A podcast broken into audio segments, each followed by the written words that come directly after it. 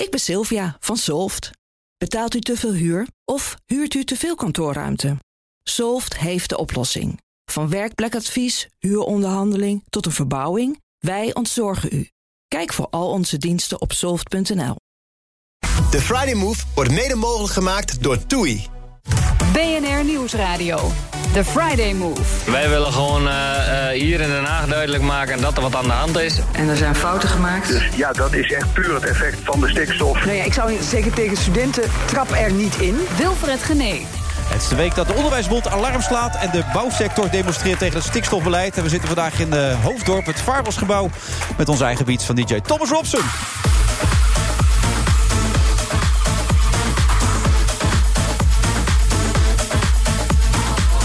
Ja, ja, ja, niemand minder dan Jan Dino Asporaat is vanmiddag uh, mijn uh, co-host. Wie had dat ooit kunnen denken? In het boek Dino vertelt de Rotterdammer voor het eerst over zijn heftige leven en succesvolle loopbaan. En leraar uit het hele land gaan woensdag 6 november opnieuw staken. Onderwijswethouder Marjolein Moorman komt niet door het verkeer heen... maar ze zit vooral bij ons in de studio in Amsterdam. Ik kan er alles over praten, de crisis in het onderwijs. En Julius Jaspers heeft zijn 17e Bijbel geschreven. Waarvan akte? Hij is er.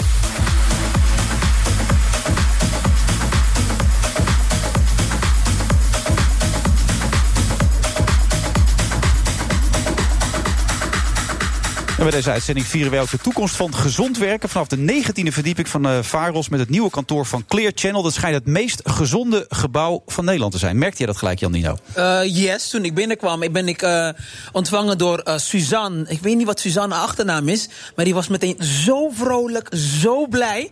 En dus je merkt, zij heeft een hele goede, gezonde, vrolijke houding. Dus je merkt het beneden al wanneer je binnenstapt. Allemaal gezonde mensen hier ook, hè? Maar je ziet het ook, hè? Ja, hele mooie mensen. Losjes op de gezichten allemaal. Heerlijk. Er zit één iets ongezonder iemand tussen, dat is Julius. Maar die komt hier ook pas net binnen natuurlijk. Ja. Moet er ook zijn. De rest ziet er hartstikke gezond uit. Oh, en Cor is ook niet helemaal. Cor is onze vaste gast. Die mag hier ook speciaal binnenkomen. Cor is een klein beetje verkouden. Maar Cor, dat moet weer opknappen hier in het meest gezonde gebouw van Nederland. Dan kan het niet aan liggen. Jan Dino, toen je uitgenodigd werd voor dit programma, wat dacht je toen? Nou, ik denk dat jullie eerder schrokken dat ik ja zei. Nou ja, ik dacht, wist je wel dat ik het programma presenteerde? Wist je dat? Ik ben al eerder bij jou op de gast geweest. Ja, dat weet ik wel. Maar ik kan me voorstellen dat je na de laatste ontwikkelingen dacht bij jezelf, dat doen we niet. Nee, maar weet je dat ik, ik, ik, heb, ik, ik vind jou nog steeds aardig. Het is overigens de derde keer dat, wij, uh, dat ik geïnterviewd word door jou. Nu ben ik als uh, gast of co-host. Uh, ik vind jou een aardige man. Ik vind jouw collega's ook, die zijn ook allemaal te pruimen. Dus um, nee, ik vond het eigenlijk wel leuk. Ik denk, nou gezellig, kom ook de boek even ook meteen promoten. Heb je ook, boek? Oh, wat ja, leuk. En 16... Oh, Dino. nou, dat is leuk zeg. 16 november in Ahoy. White Edition, Isle of Urban. Dus ik denk, nou ja, ik kom ik gezellig. Dino, hebt 2,5 uur, hè, dat okay, weet je. Je kan nu gelijk alles eruit gaan gooien, maar we hebben 2,5 uur om alles te gaan bespreken. Heerlijk! Ja, ik moet wel zeggen trouwens, het is een beetje uit de hand gelopen. Vind je zelf ook niet? Ja, dat was het ook. Dat was het ook. Het was heel erg uit de hand gelopen. En ik denk, uh, kijk, je, je, je, hebt een, uh, of jullie... voor de mensen die het gemist hebben. Jij Ja. ging het voetbalgala presenteren. Daarvan vond Johan Derks dat het belachelijk was. Bij dat voetbalgala heb jij een paar grappen gemaakt. De een Ja. vond ze grappig, de ander iets minder. Ja. En er waren van mensen die moeite hadden met het feit dat je grappen over de moeder van Johan had gemaakt. Nee, er waren geen grappen gemaakt over de moeder van Johan. Nee, Er maar waren, als begrip. nee, maar ik denk dat mensen gewoon dat, dat, dat pakten en die, die, die zijn ermee eh, gaan rennen. En, ehm, en het ging, het, het- kijk, je kan het never nooit verklaren als op een gegeven moment ook nog eens zelfs dreigementen komen. als, dat is als, eh, als je telefoonnummer wordt gelekt. Dus nogmaals, het had daar totaal niet mee te maken. En, ehm, eh, en, en op een gegeven moment was het zelfs zo ver dat mensen dachten, nou, we gaan even. Je, kijk, je hebt, jullie hebben een paar fanatiekelingen. We gaan zorgen dat hij de Gouden Kalf niet wint. Want 's ochtends was hij genomineerd voor de Gouden Kalf. S'avonds gebeurde dat ding. En ze gingen met groepen stemmen op de andere films. En dan op een gegeven moment, hè, om de twee dagen, kreeg je berichten. Nou, je gaat hem niet pakken. En uiteindelijk pakte de Gouden Kalf. Dus het, het was ook een, een hele grote storm in een heel glas, eh, klein glas water. Dus. Ja. eh, Maar je, je- daar fiets je ook overheen. En dat vind ik Ja. op mijn beurt weer schandalig. Er waren doodsbedreigingen bij. Mensen die vonden dat jij dat niet had mogen doen over Johan, die grappen. Nee, nee, nee, nee, nee. Het begon daarvoor al, joh. Ik denk op een moment dat je. Ik, ik, ik, daarom zeg ik, deze, dit is een hele vrolijke uitzending. Dat wil ik ook zo houden. Maar ehm, het is al drie jaar gaande. Kijk, en het is jullie. eh, Het is al drie jullie- jaar gaande? Drie jaar. Op het moment dat jullie een grapje maakten, maken over mij. Hè, of jullie noemen mij, Johan heeft het wel eens over mij. Echt waar? En dan, ja, dan, dan, dan gebeurt er wat er dan gebeurt. Is dat er, eh, ja, die fanatiekelingen. Die, die gaan dan op Twitter of, of in je DM. En dan, het, het, het zijn hele nare opmerkingen die er komen. Het heeft allemaal met je achtergrond te maken. Nou goed, weet je, het zijn ook sommige mensen. Hoe ik er naar kijk, is dit. Ehm, het pijn. Er zijn mensen die pijn hebben, eh, nogmaals. En die, die, die, die gooien het dan op mij. Als je mij kent, persoonlijk kent, dan kan je geen hekel aan me hebben. Je kan wel zeggen van, Jandino, ik vind jou niet grappig. Maar op het moment dat jij namelijk eh, met ziektes als kanker en al die dingen gaat schelden, je moet het land uit, je moet dit, dan weet ik namelijk dat het niks met mij heeft te maken, maar dat je namelijk pijn hebt. Nou, Een ik diep gewortelde haat, zei je Ja, ook op een gegeven moment ja, bij mensen. maar Die ik- ik- erop uitkomt om op dit soort momenten dan, om iemand te kunnen Ik praat stenigen. met mensen op dat moment. Dus ik, ik ga ook de conversatie ook gewoon aan. En dan wil ik ook weten, wat is jouw pijn en waar komt het vandaan? En uiteindelijk eh, stopt het allemaal, of eindigt allemaal in een sorry. Ik heb het niet zo bedoeld en fijn dat je zo rustig blijft. En zeker na die avond. Kijk, er, is, er zijn ook een hoop mensen die echt bang zijn voor jullie. Hè? Dat, dat, dat weet je ook. Op het moment dat ik zei van oké, ik ga het podium op en ik zeg het. Ik zeg wat ik ga zeggen. Nee, niet doen, niet doen, niet doen. En En- je omgeving, want ik ken de mensen die het programma geproduceerd hebben, Ja. allemaal gezegd: doe het nou niet. Ja, mensen gingen echt. Ja, die zeiden allemaal tegen jou, doe het nou niet, Jan want de maffia die komt op je af. Nee, maar luister. maar- Nee, maar luister even. Even echt serieus. Ja. Het had niks met jullie te maken.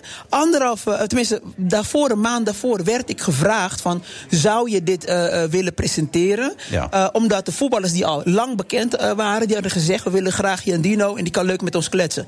Toen kwamen ze twee weken daarna, anderhalf week daarna... van, zou je ook de opening willen doen? En daar heb ik toen eerst nee op gezegd. Waarom? Ik zeg, luister, ik vind de opening, vind ik zo'n zaal... vind ik altijd moeilijk. Kijk naar alle comedies die daarvoor zijn geweest. Het is altijd een beetje trekken en dat moeten we niet doen. Vervolgens, eh, toen kwam, eh, dat toen begonnen eh, jullie over dat ding van, nou, hij moet zo nodig daar leuk gaan doen. Het was, ik heb een vriend van mij, Robin van Persie, heb ik, heb ik toen geroosterd op zijn afscheid. Daar zat iemand van de Telegraaf bij. Het was echt een hele leuke avond. En die vroeg mij om die reden om daar te zitten. Dus toen op een gegeven moment die andere eh, meneer van de Telegraaf daar zat Valentin Driessen. die dat een beetje te doen van... hé, Jan Dino, wat doet Jan Dino dan daar? Ik denk, ja, maar toen heb ik wel gebeld met de organisatie. Toen zei ik van, jongens, jullie hebben mezelf gevraagd... van de Telegraaf zelf, wat is dit? Dus toen heb ik eigenlijk gedreigd. Ik zeg, weet je... Als het aan mij ligt, ik stap weg. Ik heb echt andere leuke dingen te doen. Nou, uiteindelijk, eh, toen, nou, toen begonnen jullie. Toen, begon, nou, toen ging dat hele... Ja, ja, nou goed, begon die haatcampagne. Die bedreigingen die waren lang daarvoor. Oh, dat wist ik Eh, helemaal niet, joh. Al ja. drie jaar, zeg jij. Geloof mij, wanneer jij. eh, nou goed, maakt niet uit. We hoeven Ja. niet. Dit, dat, dat, dat, dat, het is wat het is. Eh, we zijn grote jongens, hè, het, is, het is het vak. Maar op het moment. Wat er eigenlijk misging, is dat ik toen zei: van weet je, ik ben er ook een beetje klaar mee. En toen zei ik: van eh, luister. Voetbal, dat weet iedereen. Eh, ik hou van die jongens. Ik kan het leuk vinden met die jongens. Maar ik ben niet, ik sta, ik ben niet meer op de hoogte precies wat er wat gebeurt. Dus wil je dan toch dat ik die grappen maak? Ik zeg, moet iemand voor me schrijven? Ik zeg, als ik het niet grappig vind, als ik denk dit gaat niet werken voor Jan Dino, dan doet Jan Dino het niet. Ja, dat ben jij, hè? Jan ja, Dino? dat ben ik. Ja, nee, ik denk, ja, dan weet je het. Ja. En eh, wat er toen gebeurde is dat ik, eh, ik, ik las het materiaal en toen zei ik, jongens, weet je, ik ga dit niet doen. Ik weet al, dit gaat niet werken. En toen werd het een beetje lelijk. En toen organisatie, iemand van de organisatie, die zei toen van luister, ja, je moet het, eh, die drie minuten aan het begin, die moet je doen, want daarvoor hebben we jou Maar je bedoelt lelijk dat je onder druk werd gezet. Nou, die wilde graag die drie minuten hebben. Toen zei ik Je werd nee. onder druk gezet. Ik, die wilde graag die drie minuten Je hebben. werd dus onder druk gezet. En toen zei ik op een gegeven moment, ik zeg nee, die drie minuten die komen er niet. En eh, nou ja, goed, uiteindelijk, eh, toen, was het, eh, toen werden twee opmerkingen gemaakt wat ik zei dat het echt bij mij slecht viel. Eén was, ja, maar dan begrijp ik het, het kritiek van, van VI, werd er gezegd. Ik denk, jongens, maar wacht even. Ik ben gevraagd voor die voetballers, want die wilden me daar hebben. Ja. En vervolgens begonnen ze over geld. Ja, maar we betalen jou. En er is één ding waar ik uiteindelijk mezelf gelukkig om prijs... is dat ik financieel hoef ik dit namelijk niet te doen. Ik wist niet eens wat ze Je betaalden. bent financieel onafhankelijk, onafhankelijk bedoel je? Ik heb een rekenmodule eh, formule gemaakt. Eh, ik, eh, Wilfried, ik heb 3000 3000 euro per maand per nodig. maand nodig. Ja. En alles wat er bovenop komt, weet je. Dus, dus, dus je kan, bij mij kan je niet aankomen met je bakken geld, weet je. wel. Anders had ik het contract bij RTL Maar dan is de gehouden. vraag, waarom heb je het toch gedaan? Om, en, kijk, en dan komt dat, dat, dat ego-moment. En dat is het moment dat ik daarvoor al had moeten wegstappen. En dat is een levensles, wat je elke keer uiteindelijk weer, weer leert. Is van, als- je hoeft niks te bewijzen. Ook de mensen die, bedoel, ook al jou, jou, jij en jouw collega's die iets vinden. ehm, ik hoef dat, niet. maar dat is de, de, de crux ook een beetje. Ja? Je had het kunnen negeren. Je had er gewoon boven kunnen staan. En dat begreep ik niet helemaal. Ja, maar kijk, en dat is het. Jij, kijk, jij komt binnen en, en jullie gaan daar zitten en je maakt gewoon grap. Grap is. Dat is wat je doet. Hè? Je praat erover, je meet het niet. Ik heb je nu al een paar keer eh, gesproken. Maar je moet op een gegeven moment wel beseffen dat er een groep mensen achter jou staan. En die pakken jouw woorden. Op het moment dat jij zegt van. eh, nee, ja, dat heb jij niet per se zelf gezegd. Maar die zegt. Jandino hoort daar niet thuis. Dan is het voor heel veel mensen, of dat groepje. Is dat voor hun een fluitsignaal van. Nou gaan we hem aanvallen. Dus dan. dan Het ging niet om jou persoonlijk, hè? het ging om elke cabaretier die daar gaat staan. Klopt, Dat dus- is het. Het gaat om maar- een beroepsgroep gaat het. Nee, maar nogmaals, dus ook al... Kijk, ik kan elke grapje kan ik hebben. Ja. En op dat moment, nogmaals... Het ging nog niet eens om jullie, het ging niet eens wat Johan eigenlijk heeft gezegd. Het ging er eigenlijk uiteindelijk om dat moment van dat... Van ja, we betalen jou. En toen zat ik al in een twee weken ding van negativiteit. En wat ik had moeten doen, is Ja. iedereen had moeten zeggen... Je moeder, ik ben weg, laat het lekker gaan. Maar toen was het ego, dat heeft je er uiteindelijk toch doen besluiten om het te doen. Ja, maar dat is het. En dat is, dat is wanneer je ego tegen jou zegt: ja, nou moet je voor jezelf opkomen. En later, als je met je, met je eigen mensen praat. en je denkt: weet je, kijk eens wat je hebt, joh. Je hebt niks te bewijzen aan niemand. Maar goed, nogmaals, hè, het zijn wel die, die, die levenslessen. wat overigens in het boek staan, die nu te koop staan. Ja, het boek dat nu dromen met, met je ogen open, hè? Ja, die staat dat schijnt erin. uit te zijn, ja? Ja, nee, maar weet je, eh, eh, eh, eh, Je zou nogmaals. het volgende keer, was je opgestapt, was, had je het gewoon niet gedaan.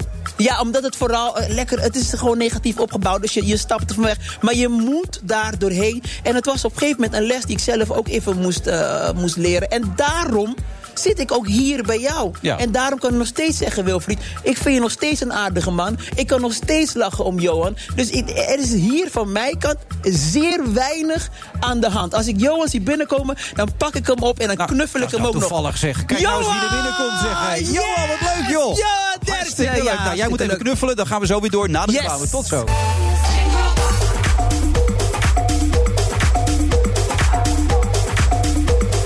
Move, vrijdag eh, 1 november. We zitten vandaag in Hoofddorp. En een heel mooi gebouw. Het meest gezonde gebouw van Nederland. Faros is daar verantwoordelijk voor. En eh, je voelt het ook gelijk. En mensen zitten allemaal hele gezonde dingen te drinken en zo. Speciale gezonde fruitdrankjes. En ook Cor zie je een beetje bijtrekken weer. Cor had een hele slechte stem. En kwam eigenlijk binnen alsof hij 80 is. En dat is hij uiteindelijk ook. Maar dat is hij meestal niet als je hem ziet binnenkomen. Naast me nog steeds Jan Dino. Is het nu uit je systeem? Eh, watten. Nou, wat we net besproken hadden. Oh, maar nog steeds? Je, je hebt hem geknuffeld. Dus Yes, het is allemaal heel goed. Ja. Jouw ogen zijn nog steeds blauw, dus ik ben blij. Ik moet wel zeggen, ik wist niet dat het al drie jaar speelde, ook gezegd. Daar schrok ik van. Dus dat, als Ja. dat zo sterk doorwerkt, dan heb ik soms zelfs... Jij zegt, jullie weten, natuurlijk weet ik wel dat het programma impact heeft... maar niet dat het die impact heeft zoals jij hem nu soms omschrijft. Maar goed, het hoeft nu ook niet altijd hetzelfde te zijn bij, eh, bij iedereen. En eh, ik, ik wil daarin ook eh, voor de, zelfs voor de mensen opkomen... die namelijk de meest eh, nare dingen naar mij hebben gestuurd... of zelfs eh, zo ver waren gegaan om eh, naar mijn huis te bellen... terwijl ik met mijn kinderen thuis zit. Eh, ik denk dat met alle mensen die ik heb gesproken zelf... ah, van iedereen een sorry is gekomen. Omdat het nogmaals, ik zie dat wij in Nederland in een tijd leven... bij heel veel mensen die, die voelen zich... eh, miskend, die voelen Niet zich gezien, hè? niet, niet gezien. Nee. En die hebben heel veel pijn. En misschien denken ze, weet je, oké, die Andino, eh, daardoor heb ik niet wat ik moet hebben. Kijk eens hem, hè, wat hij allemaal heeft. Maar die weten namelijk niet dat ik misschien nog van een stukje verder kom dan hunzelf. En dat wij het allemaal exact dezelfde strijd hebben. Je willen- zegt, staat ook in je boek, hè? Dat is net uit, toch? Dat nee, boek? maar- Ja, tweede druk heb ik al gehoord, hè? Ja, maar- Ja, gaat goed. Nee, maar niet, niet los daarvan, om, om niet, niet even een grap te maken over al deze mensen. Eh, Mensen vragen mij, waarom kan je zo rustig blijven? Is omdat ik ook weet dat het namelijk niet om mij gaat. Eh, Het gaat om, je moet heel veel pijn hebben van binnen. Wil je zo uit aan de anderen? En heel vaak is het gewoon, ik sprak met een andere jongen. Jongens naam is, is Bram. En Bram voelde zich gediscrimineerd. We hebben denk ik een half uur eh gezitten praten. En aan het einde eh, is het sorry eh, komt, kwam van Bram. En ehm, dankbaar dat we dit met elkaar konden doen. Uiteindelijk zijn we met z'n allen Nederlanders van andere kleuren weliswaar. Maar we, we, we hebben allemaal pijn. Je hebt geluisterd naar Bram en dat vond hij fijn. Daar kwam Nou, ja, maar dat, Ja. dat, dat is het. Dus ik heb, eh, eh, nogmaals, weet je, het, ik heb, ja, ik kan me niet eens herinneren wanneer de laatste keer dat ik een negatief Het is uit je systeem, ik merk het Uit aan mijn je. systeem. Ja, ik merk het helemaal aan. Yes. Ja, we komen er zo weer op terug. Als, als ik dit laat horen, even... Ah, ja, hier, dat zou ik eigenlijk zelf willen zeggen. Waar, waar denk je dan gelijk aan? Ik heb geen idee. Het Echt niet? Nee, ik kwam even, even nog, Nog één keer? Nog één keer. Oh, oh Ja, sorry. ja, ja, sorry, ja, onze ja. Engelse meneer, ja. Ja, voorzitter van het Lagerhuis. Ja. Mr. Speaker, John Berko. Eh, en, en naast me zit Roderick van Grieken, directeur van het Nederlands Debatinstituut. Ehm dat is een mooi vormpje, zoals hij het uitsprak. Toch? Dat was het toch, een vormpje? Ja, hij, eh, daar hebben natuurlijk velen voor hem eh, order order geroepen. Maar Ja. manier hoe hij dat cultiveerde, dat is wel. eh, eh, ja, daar heeft hij gewoon zijn eigen stijl mee ontwikkeld. Ja. Wat vond je van hem? In zijn hele uitstraling. Eh, nou, ik vond hem eh, retorisch heel sterk. Dus het was een genot om naar te luisteren. Eh, maar of hij nou altijd precies datgene gedaan heeft wat hij daar hoort te doen. ehm, dat begon ik me steeds meer af te vragen. Want hij, eh, voorzitter, hoort eigenlijk een beetje dienend te zijn aan Ja. de rest. Terwijl hij steeds meer de ster van de show werd. 2,5% van de discussies was hij aan het woord... terwijl zijn voorgangers een half tot misschien een procent aan het woord waren. Dat Ja. zegt toch wel iets, neem ik aan. Ja, hij was letterlijk iedere keer. In het Engelse parlement krijgt de voorzitter vrij vaak het woord. Ja. Ehm, en normaal is dan je taak om even de volgende het woord te. Maar vrijwel iedere keer ja, nam die zelf de regie. Ging die zelf grappen maken. Ging die inspelen op wat er gezegd werd. Ging die anderen terechtwijzen. Ja, en op een gegeven moment is dat, dat is niet waar je ervoor zit. Nee, wilde ze ook al van hem af wat dat betreft. Men was wel klaar met hem. Ja, sterker nog, want hij kwam oorspronkelijk dus uit de conservatieve partij. En eh, die waren er alles aan aan het doen om er maar voor te zorgen dat hij niet nog een keer herkozen kon gaan worden. Want hè, na de verkiezingen dan in principe gaat Mr. Speaker weer door. Ja. Het is niet dat ze iedere keer opnieuw een competitie ervoor hebben. Eh, maar die waren er alles aan het doen om ervoor te zorgen dat hij, dat hij niet nog een keer herkozen kon worden. Hij had het echt verbruikt bij zijn voormalige eigen partij. Want als je in Groot-Brittannië eh, de voorzitter wordt, dan word je officieel lid af van je eigen partij. Eh, daar waar je in Nederland gewoon wel lid blijft van je eigen partij. Ja, in, de- in het AD van vandaag staat ook... eh, hij was geliefd, gehaat en wereldberoemd, maar was hij ook een goede voorzitter? Dat is de vraag natuurlijk. Is hij dan eigenlijk geen goede voorzitter geweest? Nou, ik denk uiteindelijk dat je daar dan je vraagtekens bij kan stellen. Want hij heeft meerdere keren. Kijk, de Engelsen hebben een heel gek systeem. Hè. Wij, wij hebben allemaal regels in hoe het hoort in het parlement. En in Groot-Brittannië heb je allemaal tradities. En je hebt ja, een soort van voorvallen uit het verleden waar men dan op voortborduurt. Dus dan heb je als voorzitter heb je best wel veel speelruimte om zelf te interpreteren hoe het zou moeten. Ja. En hij was bekend dat hij een remainer was, dus hè, tegen de Ja, Brexit. was, eh, zeer anti-Brexit wel. Ja, absoluut. Ja. En iedere keer als hij de kans kreeg om een regel zo te interpreteren, althans om zo'n traditie zo te interpreteren dat het in het voordeel was van de Remainers, ja, dan opeens viel het die kant op. En ja, dat is, als op een gegeven moment mensen echt gaan twijfelen aan jouw onafhankelijkheid, Maar ja, wat deed gaat er hij- iets niet goed. Maar wat deed hij dan wel goed? Waar was hij dan wel goed in? Nou, hij had wel dat debat echt onder controle. Dus het is nu één grote chaos daar, die debat. Of grote chaos, het is heel luidruchtig. En dan helpt het wel dat er iemand in de voorzitterstoel zit die die regie weet te voeren. Nou, Maar, maar waar is dat vandaan gekomen? Ik, ik, ik, wanneer ik dan kijk naar de Engelse debatten, dan denk ik, waar, wanneer is dat ontstaan waarbij ze gewoon hè, zo door elkaar heen? Het is zo, zoveel emotie zit daarbij. Als je bijna klassiek muziek daaronder zou zetten. Het is, Dit eh, werk. Ik vertellen- ontstaan? Ja. Ik kan je vertellen dat het vroeger nog veel erger was. En waarom? Tot, tot ongeveer 1990 mocht er niet gefilmd worden in het parlement. Dus dan had je alleen de radioverslagen. Dus dan kon je alleen maar horen wat er gebeurde. Ja. En er zijn allemaal geweldige verhalen bekend van hoe het daar toen aan toe ging. Dat er dan, of er dus gewoon een beuk werd uitgedeeld. of op het moment dat ze moeten gaan stemmen, dan staan ze op. En dan, dan, dan moeten ze naar de lobby, heet dat. En dan moet je naar rechts lopen of naar links, afhankelijk van of je voor of tegen stemt. En, en dan werd er ook er gewoon duwpartijen vonden er plaats. Om mensen een bepaalde kant op te duwen. Eh, dus toen was het eigenlijk, ja, we hebben er geen beelden van. Maar de verhalen waren dat het er toen nog veel erger aan toe ging dan dat het er nu aan toe gaat. En nu is het, het is luidruchtig. Ehm, maar de Engelsen vinden dat heel normaal.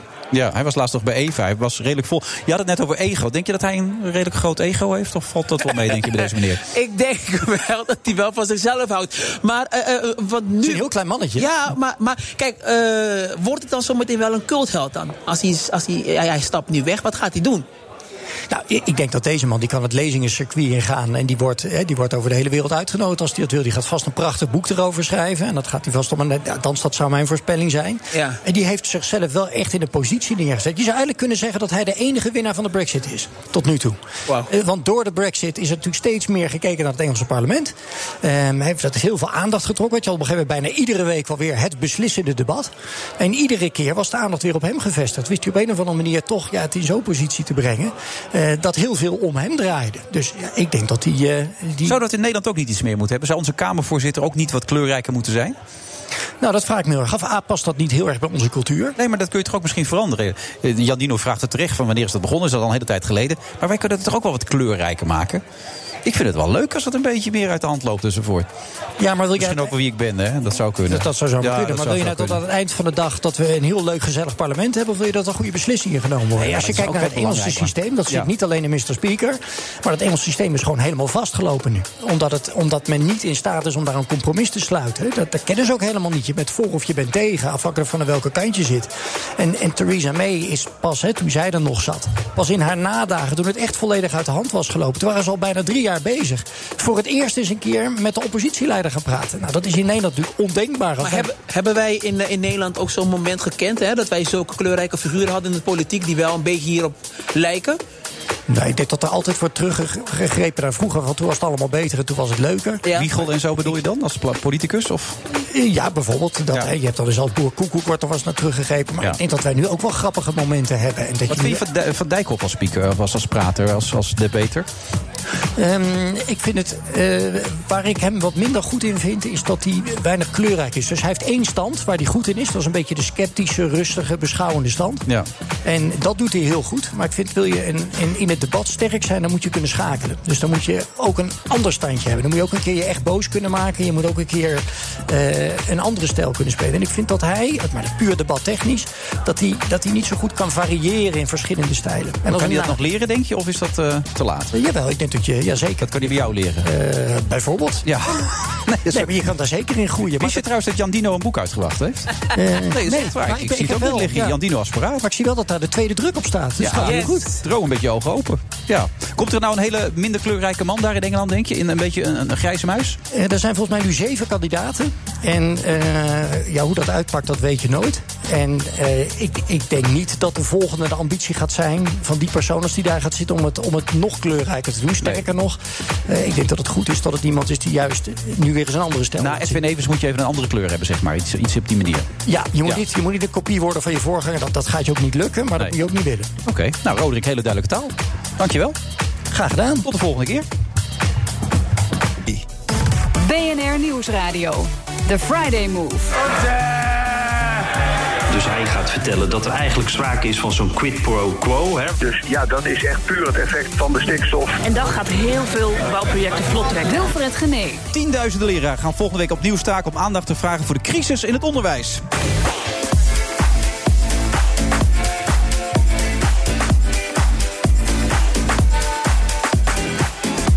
Hebben weer een aflevering van de Friday Move. We zitten vandaag eh, live vanuit het Vaarhosgebouw in Hoofddorp. Eh, Onze eigen DJ Thomas Robson en onze co-host vandaag Jan Dino Asporaat.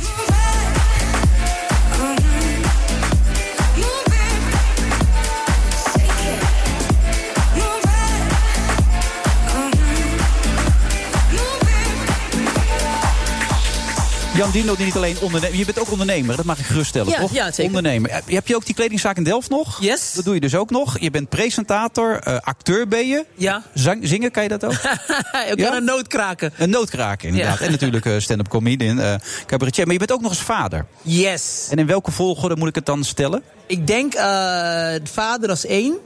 En eh, dat, is, dat is eigenlijk op nummer één. En ik denk daarna komt gewoon de ondernemer.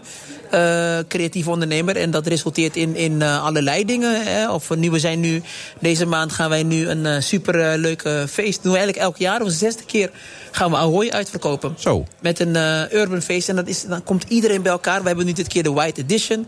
Iedereen in het wit gekleed. En het is een fantastisch ding. En weet je? Dus maar ja. dat is ook om een beetje de stemming goed te maken. De White Edition. Ik bedoel, is, Ja. het zit erachter. Dat jij er ook... Jij bent ook welkom. Ben ik welkom? Jij hoeft zonder kleding. Jij bent wit genoeg. Jij komt zonder kleding binnen. Nee, het is Nou, je gewoon... wil me niet naakt zien. Dan ben ik, weet ik niet of ik dan wit genoeg ben, heel gezegd. Er gaan geruchten. Nee, maar ehm, nee, weet je wat het is? Het is eigenlijk een feest van samenhorigheid. En we zijn met z'n allen daar, twee zalen. We zijn met z'n allen aan het feesten. En ehm, dat deden we altijd naar de theatershow. Hè. Dan gingen we op een gegeven moment naar de theatershow met z'n allen. Deed ik een DJ en dan gingen we twee, drie uur met elkaar feesten. En we dachten, dit kan eigenlijk groter. Nou, daar ontstond het idee. En eh, het is gewoon liefde voor elkaar toe. Oké, dan ga ik toch Dus- even terug naar het vaderschap. Want daar wil ik naartoe. top. Je hebt twee kinderen. Eh, jouw zoontje is acht, geloof ik. hè? Ja, mijn zoontje is acht, mijn dochtertje is eh, vijf jaar. Ja, en die heb je onlangs van school afgehaald, ook je zoontje. Ja, eigenlijk is mijn dochtertje meegegaan. Kijk, mijn zoon die zit, eh, die zat eigenlijk op, eigenlijk op een leuke school. Maar de klas was iets te vol eigenlijk voor hem. Nou, voor veel kinderen. Ik denk dat ze 26 kinderen hadden in de klas.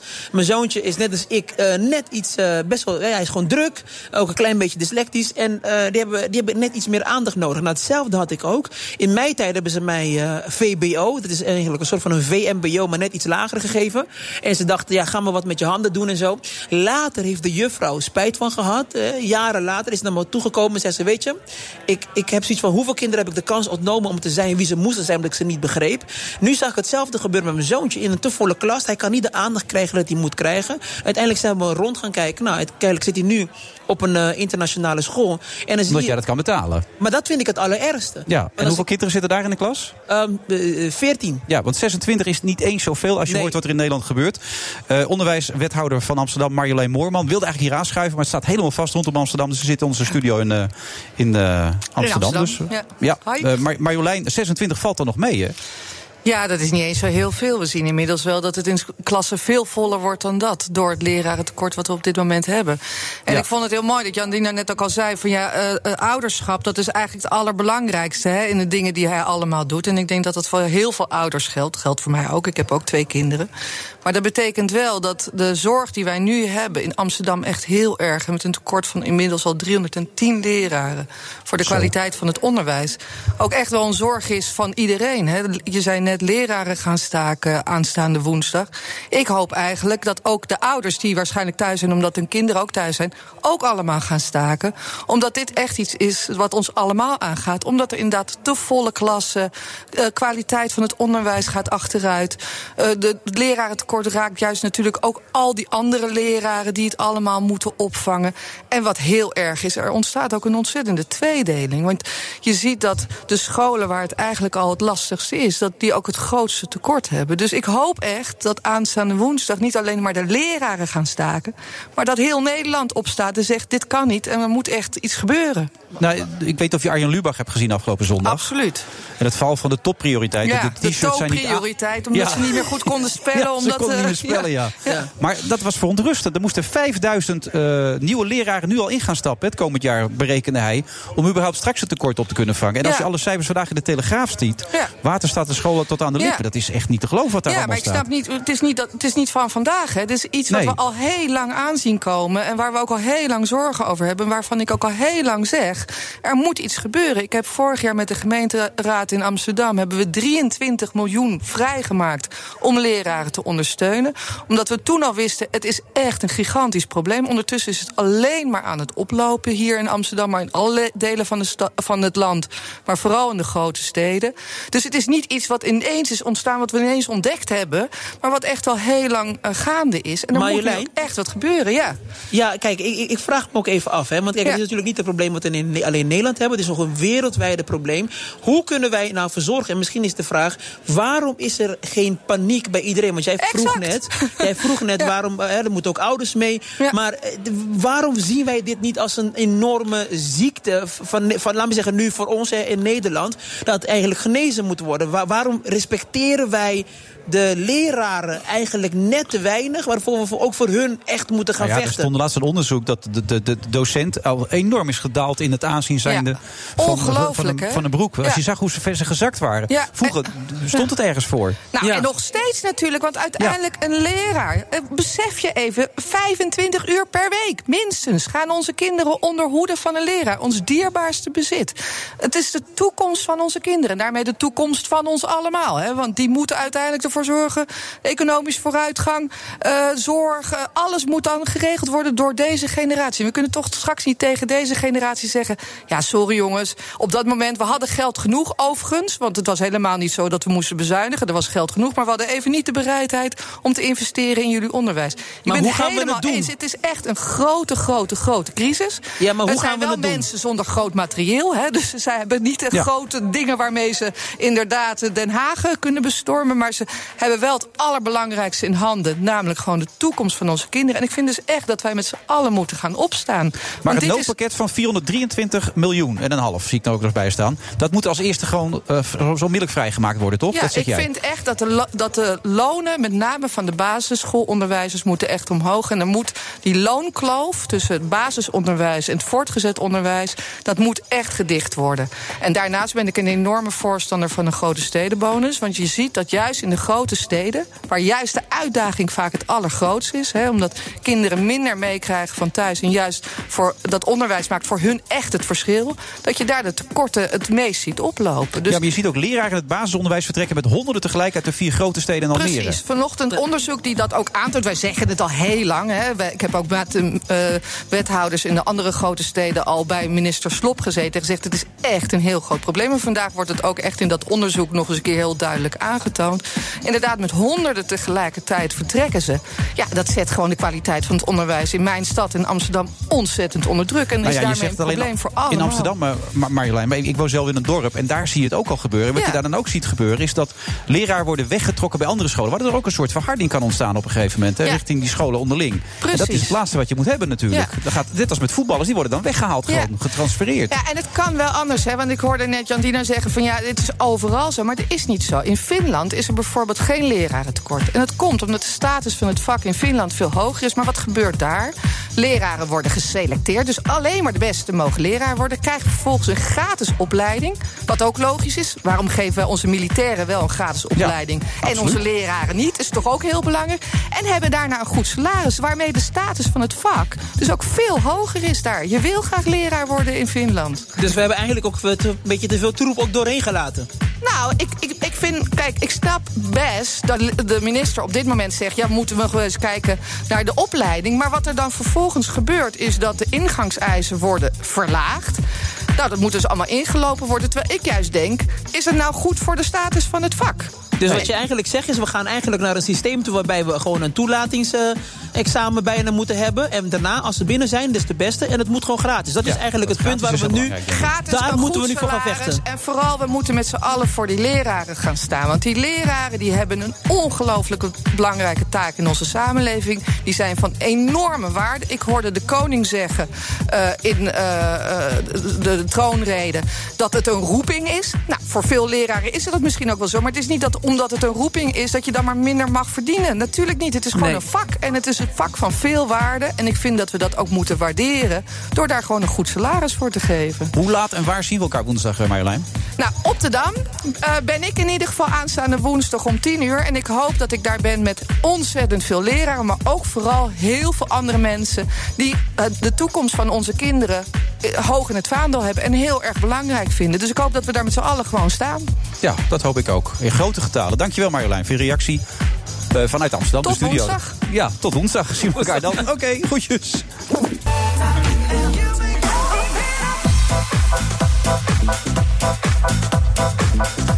moet vrijdag eh, 1 november. We zitten in Hoofddorp bij Faros. Een prachtige pand. eh, Het meest gezonde pand. eh, En we gaan praten over een boek. Over een boek gesproken. Je hebt ook een boek uit. Dat is leuk zeg, Jan Dino. Dromen met je ogen open. Ja, waarom dit boek? Nu al op deze leeftijd? Nou, ik denk dat het ook heel fijn is voor heel veel mensen. Kijk, één, ze kijken naar Jan Dino ze denken, weet je, daar gaat, heel veel dingen gaan echt heel erg goed. Ja. Ehm, en, en die, weet je, die heeft het allemaal lekker mee. En als ze het boek lezen, dan, krijgen ze, dan schrikken ze van, nou oké, er zijn heel veel dingen heel slecht gegaan. Oh. Heel vaak vallen, maar dan weer opstaan. En als ze dan weten van, oké, maar als je zo'n kut jeugd hebt gehad... en toch uiteindelijk bent gekomen waar je nu bent... nou ja, dan eh, kan ik het waarschijnlijk ook eh, redden. Ja. Dus het is een soort van... Motivatie voor, eh, voor andere mensen. Maar je bent dyslectisch en toch heb je het helemaal zelf geschreven. Ja. Dat vind ik echt heel knap. Nee, ik heb alleen hulp gehad van eh Guus Spengel, maar eh, ik heb het, ja, ja. Maar het feit dat ik een VBO heb en dyslectisch ben en een boek heb die zo goed gaat, is toch wel een wonder. Maar dit heb je echt helemaal zelf geschreven. Het, is- het leest ook makkelijk weg, namelijk het boek. Weet je wat we hebben gedaan eigenlijk met het schrijven van het boek? We hebben eigenlijk gezeten en steeds weer, wanneer ik een hoofdstuk af had, dan ging ik weer kijken van, oké, maar hoe zou ik het zelf lezen? Ja. Hoe zou ik het lezen? En, en op zo'n manier, en mensen lezen hem in een dag uit, het heeft 200 zoveel bladzijden. Ja, maar ik heb het ook gelezen. En ik, wat ik, mij wel, ik vind een beetje neurolinguistisch programmeren wat je heel, heel veel doet. En ik weet niet eens wat het woord betekent, Nou, maar ik ga met je mee. Dat je heel veel tjaka tjaka, wat bijvoorbeeld Oké. Emil Raterband vroeger deed. Geloof in jezelf, weet dat je het kan. Yes, Ja. you can. De hele tijd. Dat doe Ja. je heel veel in dit boek. Maar ik denk dat iedereen alles eh, kan worden als je, mits je de passie voor hebt, kan je alles bereiken eh, wat je wilt bereiken. Is dat waar, Julius? Zeker waar. Ja? Ja, 100% Dit was ook jouw passie altijd? Ja. Met, met voeding bezig Vanaf zijn? dat ik vijf ben. Ja, serieus. En is er ooit enige twijfel geweest onderweg of nooit? Zeker wel, want op mijn dertigste ben ik 20 jaar, 18 jaar wat anders gaan doen. Ben ik in de handel gegaan, maar ik ben toch weer teruggekomen. En waarom deed je dat? Omdat het niet Omdat, ging? Of? Ja, omdat de handel op een gegeven moment vond ik het saai worden. Het ging ook niet zo heel goed meer na, na 20 jaar. Ik denk, ik wil eigenlijk gewoon weer terug de keuken in. En niet alleen maar maken, maar er ook over lullen en er ook over schrijven. Ja, en dat gaat je eh, goed af. De zeventiende begreep ik? Niet normaal. De zeventiende Bijbel. Ja, ja. Ja. ja, dus, het is en de 17e Bijbel, maar ik heb er daar maar twee van geschreven: de Barbecue Bijbel en dan nu de eh, Stoofbijbel. Maar het is ook mijn 17e boek. Moet je nagaan. Ja. ja. En dat is nog lang niet je laatste, als ik je zo zie. Zeker Er zit nog veel in het vat. Ja. Maar Nee, waar- klopt. waarom is deze zo bijzonder dan? Omdat dit eigenlijk, het is heel erg toegankelijk. Stoven, dat, dat we- weet iedereen. En Ja, iedereen stoof heeft jij het wel veel, eh, eens gedaan. Janino? Ja, Ja. Jij, jij bent een stover, ik zie het ben- ja, jij bent een stover, ja. stover. Ik ben een stoker en hij is een stover. Ik zie het zo, ja. wat af, ja. ja. Nee, bij stoven, help me mee. Nee, ja, dat, ja, het is heel erg makkelijk. En het is vooral heel erg goed. Ik ben heel erg van de smart, van de voorbereiding. Hè. Dus, dus gisteren maken en vandaag even in de oven gooien. En Ja. dat Ja. is ideaal. Dat doe ik ook. Ja. Dat doe jij ook. We zijn heel gezond bezig. Nee, maar luister, wij zijn nu bezig vanavond om half negen. Hebben wij de uh, afsluiten van eh, Dance, Dance, Dance. Ik ga je zo meteen laten zien wat mijn lichaam, hoe het eruit ziet. Heb ik een eh, challenge met Timo Steffens. Nou, ik heb eigenlijk eh, wekenlang alleen maar eh, gestoofde vis lopen likken. En, eh, maar het resultaat is er wel. Likken alleen of ook eten? Ja, dus af en toe. Oh, oké. toe. Maar dat is wel hartstikke goed. Ja. Je hebt trouwens ook honger gekend, hè? In dat boek lees ik ook, dat is echt niet normaal, toch? Ja, ja, ja, we hebben ja, eind van de maand eh, vaak eh, geen eten. Maar je gaat de boel ook echt waarderen. Kijk, de luxe dingen wat wij hier in Nederland hebben... waarbij we dingen hebben als fruitvliegjes... dat je, dat je fruit kan laten staan op een aanrecht... dat fruitvliegjes komt, dat bestaat niet eens. hè. In mijn tijd op Curaçao bestond niet, hè? Nee. Dus je kreeg één appel en dat werd verdeeld door vier of vijf kinderen. Meteen op. Ja, meteen op. Dus je waardeerde. eh, Dus het is ook niet alleen maar slecht. Wij, wij, wij, wij stoppen ons nu vol en iedereen die kan maar alles eten... maar dat was vroeger. Ja, en we gooien de helft niet. weg, hè? Ja, heel veel weggooien. Ja. Het Spilling. Maar op de grond geslapen, geschopt door je achternicht. Ja, ik Ja. ja. dat is de nicht van je moeder, dat was jouw achternicht enzovoort. En dat heeft je getekend, maar ook weer niet. Nou, ik denk, eh, je moet altijd dankbaar zijn voor de dingen die je hebt meegemaakt. Want anders zou je niet zijn wie je nu bent. Hè? Dus dat is. eh, ehm, het heeft mij helpen vormen. Dus je, en je weet ook op een gegeven moment dat niks. En je krijgt niks cadeau in het leven. En dat hoef je ook niet te verwachten. Nee. En eh, je, je moet gewoon bouwen op jezelf. En dat, dat heeft, mij, het heeft mij gevormd. In, in wie ik ben en waarbij ik toch uiteindelijk gelukkig de liefdevolle kant uiteindelijk eh, zoekt. Maar ook dat harde kant heeft me wel wat zakelijker ook gemaakt. En waardoor ik misschien wat harder eh, rent dan iemand anders. Ja, Nou ja, ik denk dat Jasper ook heel hard aan het- toch ja, ja, ja, toch? Ja, ja, ja. Ja, ja, hard werk. Julius, ja, sorry. Daar, daar kon je, ja. maar die fout maakt iedereen drie keer per dag. Ja. Eh, hard Je vrouw ook of hard- niet? Nee, die Oh, niet. Als dat enige niet. Dat is lekker. Kinderen wel. Ja. Ja. Behalve als ze geld nodig hebben. Oh ja, maar ehm, nee, hard werken. Dat is het devies. Ja. En, en je kans pakken. En, en dat kwam bij mij langs 14 jaar geleden met mijn eerste boek. Ik daar een gouden garde mee. Van de tip culinair. Wie kent het nu nog? Ik niet. Maar wel meteen eh, eh, in alle kranten en Hatsa. En ja, nu zijn we 17 Maar, boeken maar bij dit boek, stoven, is dat wat, wat, wat voor, ook veel vlees of ook andere dingen? Allebei. Ja? Vlees, eh, groenten, veel groenten. Natuurlijk aardig wat vlees. Ook vis, ook vruchten. Ja, En er zit er nou eentje tussen waar je zegt, dat is mijn favoriet. Die moet je even gaan maken, Wilfred. Ja. Als jij die Bijbel straks in je handen hebt, dan moet je hem gaan maken. de boerderijkip gestoofd Oh, in ja. witte Oh. wijn, room en uien. Oh jee. Super lekker. Ja. maar het kost wel veel tijd, neem ik aan, dat stoven. Nee, want je zet Nee? het in een pannetje en je gaat na anderhalf uur eens kijken. En een uur later is het klaar. Je laat het afkoelen, gooit het in de ijskast en eet het volgende Oh, mijn, mijn vrouw heeft nu ook zo'n pan die een hele tijd op kan staan. Zo'n elektrische. Dat zegt je, kan je gewoon het huis uit gaan Ja. Dat zo'n hotpot ding. Ja, nou ja, nou, dat kan. Raad je dat aan of zeg je, nee, dat moet je niet doen? Eh, voor alles is wat te zeggen. Maar die dingen worden niet zo heel. Ja, die kunnen heel warm worden. Je moet er even mee leren. Net zoals mensen heel bang zijn voor inductie koken. Tegen wat helemaal hip aan het worden is. Of wat de, de nieuwe norm wordt als we geen gas meer gaan gebruiken. Je moet er even aan wennen. Dat is ook met zo'n eh, elektrische pot. Ja, ik heb begrepen dat het vooral alleen recepten zijn. Niet, niet meer verhalen, zeg maar. Mooie verhalen erachter. Of, Hoe bedoel je? nee, in het boek zelf, de Bijbel. Of, nou, ik, ik eh, introduceer elk gerechtje wel met eh, een verhaaltje of uit de oude doos of, of historie over het product of wat dan ook. Het is niet alleen maar receptuur, maar het, is, het zijn we- veel recepten. de oude doos, nu ben ik een beetje in de beschrijving. Heb je eentje uit de oude doos die je zegt, nou, dat is een leuke. Nou, ik, heb, ik ben traiteur geweest vroeger tien jaar in de Utrechtse straat en daar maakte ik. Hoe eh, oud ben je dan? 107 of zo? Nee, nee, nee, 57. Oké, Dus nee, ik zeg, lekker- hoe kan dat nou allemaal? Ja, Ja, ga door. Ja? Maar ik, ben wel, ik was 20 toen ik daar begon, dus ik was wel vrij jong. Ben je 107? Ja, nee, ja, je- je zag bij de intro zag ik al als enige niet gezond uit. Het Oh, nou, is ja, je kan, niet jongens. te doen. En dat moet toch kunnen? Ja, ja, ja, ja, jawel. Het is niet te doen. Nee, maar wij, wij hebben ooit nog eens samen in een... eh, Ik heb jou kookles gegeven. ja, maar kookles Ja. gegeven. En ik Ja. heb hem uiteindelijk met een pan heb ik hem knock-out geslagen. Ja, ja, ja. ja, ja, ja. Ja. Hebben we ooit een keer eh, Knock-out samen... Ja, dat is een- met, dat is een film of Een sketch hadden wij, eh, hadden wij gemaakt. Bij ik- FC Kip of zo Bij dan? FC Kip, ja, kwam die... eh, Leerde Ja, ik hem zeker. koken. Ja. maar goed, maak je uit de oude doos, ja? Eh, da- daar, maak, daar, daar maakte ik heel veel eh hazenpeper, buff bourguignon, blanquette voor. Nou, dat vertel ik dan. En dan vertel ik daar iets over. En, ja, het is, ja, het is allemaal niet heel interessant. zo klinkt het niet heel spannend Maar als je het zo vertelt. nee, precies, Je moet het boek aanprijzen. Ja, het is een Je bent nu net Robert van Brakel, die was die laatst ook. Die ging anekdotes vertellen. Er zat niet één leuke anekdote bij. Maar Nee, maar ik vertel geen anekdotes. Ik vertel gewoon de waarheid. oké. Een En heel Wat is dan de belangrijkste reden boek. waarom we dat boek zouden moeten kopen? Omdat je met goede producten en goede receptuur... je volgt de paden en het gaat altijd goed. Ja. Vond je het nou een leuk interview of zat je dood te irriteren? het zat een beetje tussenin, hè? Ik zie het in je Ja. lichaamstaal. ook, Ja. dat je het niet heel erg leuk vond. ik, ik probeer mijn best te doen om iedereen altijd op zijn gemak te Ja, laten ja, voelen. nee, maar dat lukt ook wel, hoor. Ja, dat Ja, lukt wel, hè? ja. En wat is nou het volgende boek? Ehm, ik ga een boek schrijven over eh, de basis van het koken. Dus elk product behandel ik in een aantal stappen. Wat kun je allemaal met een, wat, wat is een aardappel? Waar komt die vandaan? En wat kun je er allemaal mee doen? En dat wordt ook een bijbel weer? Of het wordt een, een soort eigen Nee, creatie? dat wordt groter en dikker dan een bijbel. Kan iedereen koken? Durf te koken en als je wil koken. Je moet durven koken. Dat is weer zo'n one-liner uit jouw boek, hè? Je moet het gewoon proberen, zeg Ja. je ook steeds. Ja, ik, ik lees ze allemaal natuurlijk. Iedereen kan koken. ja, en ook een beetje oppassen, zeg jij. Hè? Niet iedereen vertrouwen. En mensen in de business die moet je sowieso niet Ik vertrouwen. denk hoe als je 9 van de 10 mensen die je tegenkomt in de business zijn 12 niet te vertrouwen. Maar goed, je moet ze toch een kans geven. Ja, oké. Nou, dat soort teksten, daar kunnen we het mee, Julius. Zo is het. Toch heel goed dat je er was. Dankjewel. Ja, ik hoop dat jij dat ook vindt. Zeker. Ik zeg wel gewoon Julius nu, dat merk je. Ja, dat is heel goed. En Jaspers is je achternaam. Ja, oké. Julius Jaspers. Tot de volgende keer. Dankjewel. BNR Nieuwsradio. The Friday Move. Wij willen gewoon eh, eh, hier in Den Haag duidelijk maken dat er wat aan de hand is. En er zijn fouten gemaakt. Dus ja, dat is echt puur het effect van de stikstof. Nou ja, ik zou zeggen tegen studenten, trap er niet in. Wilfred Genee. De Friday Move live vanuit het eh, Faros-gebouw in Hoofddorp... met onze eigen DJ Thomas Robson.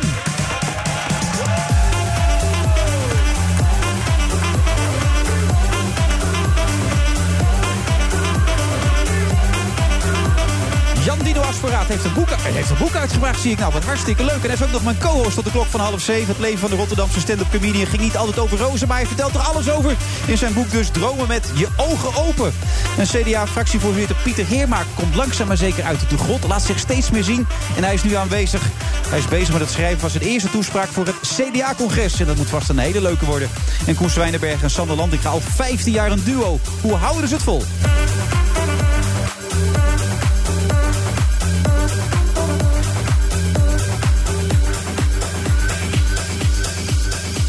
Vroeger had je helemaal niets, Jan Dino. Helemaal niets. Ja. En nu heb je best veel. Heeft je dat ook in je politieke voorkeur veranderd? Of, of heeft dat nooit een rol gespeeld? Nou, dat heeft eigenlijk nooit een, eh, een rol gespeeld. nou, ja, ik moet het even eerlijk, even, even kijken. Heel eerlijk. Ja, ik, heb, eerlijk, hè? eh, ik denk dat je van huis uit eh, ging je PvdA Ja. ging je dan stemmen. Want dat hoor je dan, dat moet je doen. En vervolgens ga je dan, toen heb ik gewisseld. Toen ben ik VVD gaan stemmen. En eh, toen... Toen je man in bonuswet bedoel je? nou ja, nee, maar toen gingen zij uiteindelijk, ik weet nog, dat was de periode toen zij met, ehm, eh, gingen ze, toen PVV. kwam er ook er even bij, ja. Ja, en toen het, het werd het ook een heel gek ding. Ik heb ook nog ooit eens eh, D66 eh, gestemd. CDA is er nog niet voor gekomen, maar nu dat we wel kennis hebben gemaakt, we hebben heel leuk gesproken. CDA wordt het dit jaar. Ja, ik denk, zo Oh, makkelijk nou, gaat Pieter het. Heerma, zo makkelijk gaat het. Kijk, Sibrand Buma heeft er voor mij echt vier uitzendingen voor nodig gehad... om, om het CDA bij mij er een beetje weer, weer in terug te krijgen. Maar je hebt het nu al voor elkaar. Dat is wel heel snel. Hij heeft ook een CDA-groene trui aan. Dat, dat was al een... voelde het al Kijk, aan. kijk. Het voelde. Wij hebben ook een connectie. Energie. Ja, dat is het. Ja. En ik moet bij jou nog vier uitzendingen werken, denk ik. Nee, nee, want ik heb toen destijds met Siebrand die keuze gemaakt. Oh nee, ik ben toen de laatste keer ben ik weer weg afgedwaald. Omdat ik het toen nog een beetje minder... Ik vond het, het verhaal van Siebrand de laatste keer... Siebrand was er niet, zat er niet helemaal meer in, vond ik. Bij die de laatste debatten, toen hij ook helemaal weggespeeld werd door Lilian enzovoort. Toen ben ik uiteindelijk voor, eh voor ChristenUnie gegaan. Ja, stem ChristenUnie. Dus we hebben wel wat terug te winnen. Ja, Gert-Jan Segers. Dat vond ik op dat moment de sterkste... De betere en ook het verhaal vond ik het beste kloppen. Sofie is er trouwens ook bij. Leuk, Sofie. Hey, hoi. Ja, gezellig man. Ik kom trouwens ook uit een CDA-gezin. Oh, echt wat stem je nu dan? Ja, dus, eh, ze waren altijd van Lubbers toen. Hm? En eh, van de kerk. Eh, wat stem ik nu? Ik ben heel erg aan het zweven. Oké. Ja, wat heb je de laatste keer gestemd dan? Eh, ja, op, eh, op Frans. Voor het eerst in mijn leven. Frans Timmermans bedoel je? Ja, Frans Brusselmans.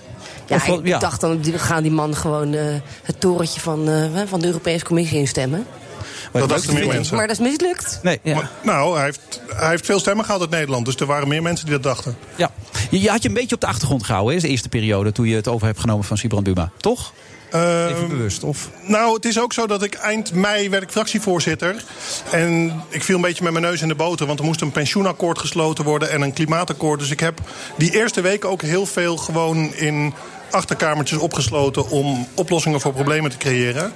En richting de algemeen politieke beschouwingen de afgelopen maand... ja, dat was mijn eerste grote debat. En dat is dan inderdaad ook het moment om eh, spreekwoordelijk uit je schulp te kruipen. Ja, en je kleur te laten zien. Je kleur te bekennen ook een beetje, waar je voor staat precies. Dat is sowieso belangrijk in de politiek. Ja, Toen heb je een mooi stuk geschreven vorige week... gebaseerd trouwens op het boek van eh, Rutger Bregman.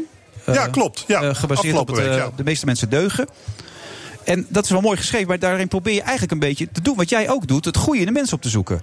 Dat, dat vind jij ook dat het te vaak verloren gaat. Daarom bel je ook al die mensen op die dus boos op jou zijn. Of Ja. als die rare dingen over jou zeggen. En dat probeer je eigenlijk ook te verwoorden, toch in dat stuk? Nou, ik, ik weet niet of je als politicus moet proberen iedereen op te bellen die vindt dat je rare dingen zegt. Want dan kom je niet meer aan je je werk toe. bezig, ja.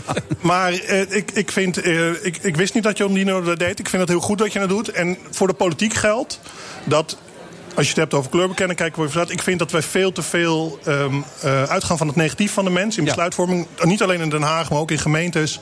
Wat ertoe leidt dat we heel veel regeltjes maken voor formulieren die mensen moeten invullen. Kun je een voorbeeld geven, Pieter, nog? Nou, het, het interessante is, als je lang genoeg in de politiek werkt, kun je heel veel voorbeelden geven. doe eens Laat ik gewoon eentje pakken. eh, de kinderopvang. Er is een verschrikkelijke Robert M-affaire geweest. En dan zegt iedereen, dat mag nooit meer gebeuren. Dat is wat er op straat gebeurt. En wat gaat de politiek dan doen? Dat, dat doen wij ook. Dat doen we met z'n allen. Dan gaan we allemaal regels bedenken die zorgen dat zoiets nooit mag gaan gebeuren. Maar in de praktijk leidt dat dan tot hele lange invullijsten die ingevuld waar vinkjes mee moeten gaan zitten. En dan denken we dat we daar veiligheid mee creëren. Ja. En eh, mijn betoog, en ik heb echt niet een toverstrafje waardoor dit in één keer verandert, is: zouden we niet bij heel veel mensen wat meer van vertrouwen uit moeten gaan in plaats van wantrouwen? En, eh, want het, risico dat er iets misgaat, dat is vervelend. Maar alles dichtregelen zodat het goede niet meer gebeurt, omdat mensen vastlopen erin, is misschien nog wel erger. Ja, maar hoe, hoe, hoe blijf je nou nog in contact met, met de burgers? Hè? Want kijk, op een gegeven moment, hè, je maakt de keuze... en dan komt u in, in de politiek. Dat is ook wel interessant, hoe je in de politiek terecht bent gekomen. Maar hoe zorg je nou voor dat je namelijk niet gewoon een politicus wordt... maar gewoon nog een mens blijft? Ja, en omdat je daardoor... Hij lacht heel hard op Jan, Ja, maar hoe, doe je, eh, maar hoe doe je dat dan? Ja, nee, dit is, eh, elke politicus is sowieso nog steeds een mens. Dat, dat kan ik... Ik twijfel over Oh, sommigen. Dan moet Nu je- nog wel, maar- Pieter, maar ja, over een paar daar waar je maanden... twijfelt dan, eh, Jandino. Ja, dit is, eh, nee, maar alle politici Oh, Je zijn noemde ook... net zijn- eh, Wilders bedoel je bijvoorbeeld. Nee, nee, nee, nee. nee. Ik, heb, ik heb ooit bijna geknuffeld met eh, Wilders. Maar dat is een heel ander verhaal. Gaat u verder. Eh, het, is, het is heel belangrijk om niet alleen maar ehm, de regels achter de mensen zien, maar ook de mensen achter de regels. En daarvoor is het heel belangrijk om als politicus, wat dan heet het land in te gaan en in contact te blijven met mensen. Wat voor, voor ons als CDA geldt, en we hebben volgende, volgende week ook congres, we hebben tienduizenden leden. Die, geen, die nog mens zijn en geen politicus zijn geworden. Die, en die geven ook hun problemen, wat ze zien, wat ze miszien gaan, geven ze door. Dat, daar wordt op congres over gesproken. En dat houdt je in contact met gewone mensen, met gewone problemen. En dat voorkomt dat je alleen maar, als het goed gaat tenminste... alleen nog maar met die bureaucratie en met die papieren werkelijkheid Maar bezig die haal je er niet zomaar weer uit, Pieter. Dat is een beetje het lastige. Je zegt ook de betrokken burger als uitgangspunt. We hebben iets over het hoofd gezien, namelijk de kracht van de samenleving zelf.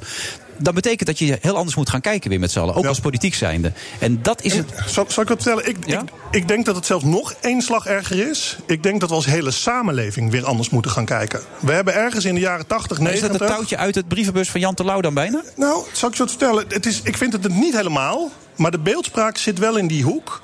Want ook daar, waarom kwam er tractie op die uitspraak van Jan Terlouw? Omdat iedereen voelde... Er is heel veel verbeterd in de afgelopen decennia. We zijn rijker geworden, welvarender. We zijn elkaar wel kwijtgeraakt. Dat is de Nou, essentie. ja, je, wat, wat jij ook het schetst. interessante is wat jij nu doet, doet iedereen. Namelijk als ik hierover begin te praten, hoef ik zelf het verhaal niet af te maken, omdat iedereen het gelijk voelt en kan invullen. En datgene wat we kwijtgeraakt zijn. En ik heb echt niet nu een silver bullet waardoor we dat morgen Ja, terug dat is de hebben. essentie. Dat, hoe Maar- gaan we dat oplossen? Nou, dat betekent dat je eerst met elkaar moet doordenken... hoe komt het dat zoveel mensen het gevoel hebben dat we wat kwijtgeraakt zijn? Gemeenschapszin, eh, samenredzaamheid in plaats van individualisme. En een overheid die denkt dat alles wat niet van de overheid... dat dat de markt is. En dat mensen daar alleen maar geld willen verdienen en eh, rijker willen worden. En dat er ook gewoon mensen zijn die wel goede dingen met elkaar voor elkaar willen krijgen. Het beste willen. Maar daarom vraag, dan- ik, ik, daarom, daarom vraag ik aan u, van hoe blijf je nog even een mens? Maar is dit even zonder, zonder, zonder grap. Hoe kan je, omdat we zoveel mensen in Nederland hebben... die voelen zich allemaal niet gehoord. Hoe kunnen wij nou een politiek systeem in ieder geval creëren... waarbij, één, jij, eh, u, nou echt toch een mens eh, eh, kan zijn... zonder aangevallen te worden. Want op het moment dat je namelijk nog steeds hele mooie idealen hebt... ja, natuurlijk word je dan natuurlijk ook afgemaakt in de politiek. Dus, Nou, dat, dat hoeft niet. Maar, maar, maar het begint met een, ook met een beetje lef hebben. Ja, oké. ehm, ja, het is een voorbeeld. Ik moet hem even uitleggen. Maar er was een, een peuterspeelzaal in Sneek. En die voldeed niet helemaal aan de regels. En waarom voldeed hij niet helemaal aan de regels? Omdat de vrijwilligers die daar werkten... die waren gekwalificeerd. Maar die wilden geen loon krijgen voor wat ze deden.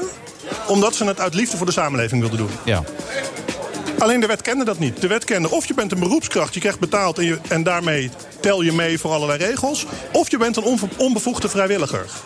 En dus had je daar geen oplossing voor. Dus je kon niet verder met die mensen. En, en dus kwam de gemeente die zegt: jullie moeten of loon gaan accepteren. of je moet een boete krijgen omdat je niet aan de regels voldoet. Nou, staan er een Toen ben ik me daar dus tegen gaan verzetten. Jongens, dit is waanzin. We kunnen niet mensen dwingen geld te accepteren. om letterlijk te blijven doen wat ze al deden. Maar je kan toch het geld accepteren en dan gewoon teruggeven? Kan dat- Nou, de- uiteindelijk ben ik daar toen als Kamerlid, ik was toen net Kamerlid, op gaan drukken en drukken en drukken. En uiteindelijk is daar besloten, het voldoet niet aan de regels misschien, maar we doen het toch. Ja. Nou, en die omslag, dat ondanks dat het misschien niet helemaal aan de regels voldoet, maar dus het goed is en dat je het dus moet doen, dat is spannend. Want als er dan iets misgaat, zegt iedereen, ja, maar het heeft niet aan de regels voldaan. En toch is het wel heel lastig. We, we- elke, elke week liggen we bijna plat op dit moment. Omdat mensen Dat boos zijn. waar, ja. Allemaal mensen uit de middenklasse waar jullie voor staan. De boeren, de, de bouwers, de, de mensen van school. Eh, En eh, die, die roepen... Weet je wat, gaan we zo weer door. Hou dit vast, dit gevoel. Ja? goed. Tot zo.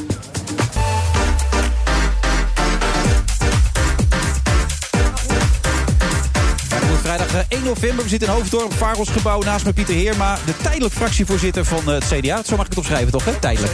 Ja. De meeste mensen zeggen tussenpauze en dat draag ik maar met, eh, met enige eh, trots. ja, en wie wordt het straks, Hugo of Opke? Ja, dat is mijn taak om daar vooral helemaal niets over te zeggen. want ik- je nee, bent er nu toch, man. Ja, dat snap ik. Je kunt het heel vaak vragen, maar de CDA-leden, het CDA-partijbestuur... die gaan daar straks met elkaar over hebben. Mijn taak is nu als fractievoorzitter en als tussenpaus... om eh, de goede dingen te doen voor het land en de goede dingen te doen voor het CDA. Maar zou, waarom zou hij het zelf niet willen doen? Ehm, dat begint bij zelfkennis. Oké, oh, dat is ook En wat zegt die zelfkennis dan? Nou, dat ik daar niet geschikt voor ben. Maar je vader deed het ook en die heeft er een heel triest einde mee beleefd natuurlijk Ja, ook. de, de- mijn- mijn vader was fractievoorzitter in de jaren negentig. Dat was voor het CDA sowieso niet een hele makkelijke tijd. Nee.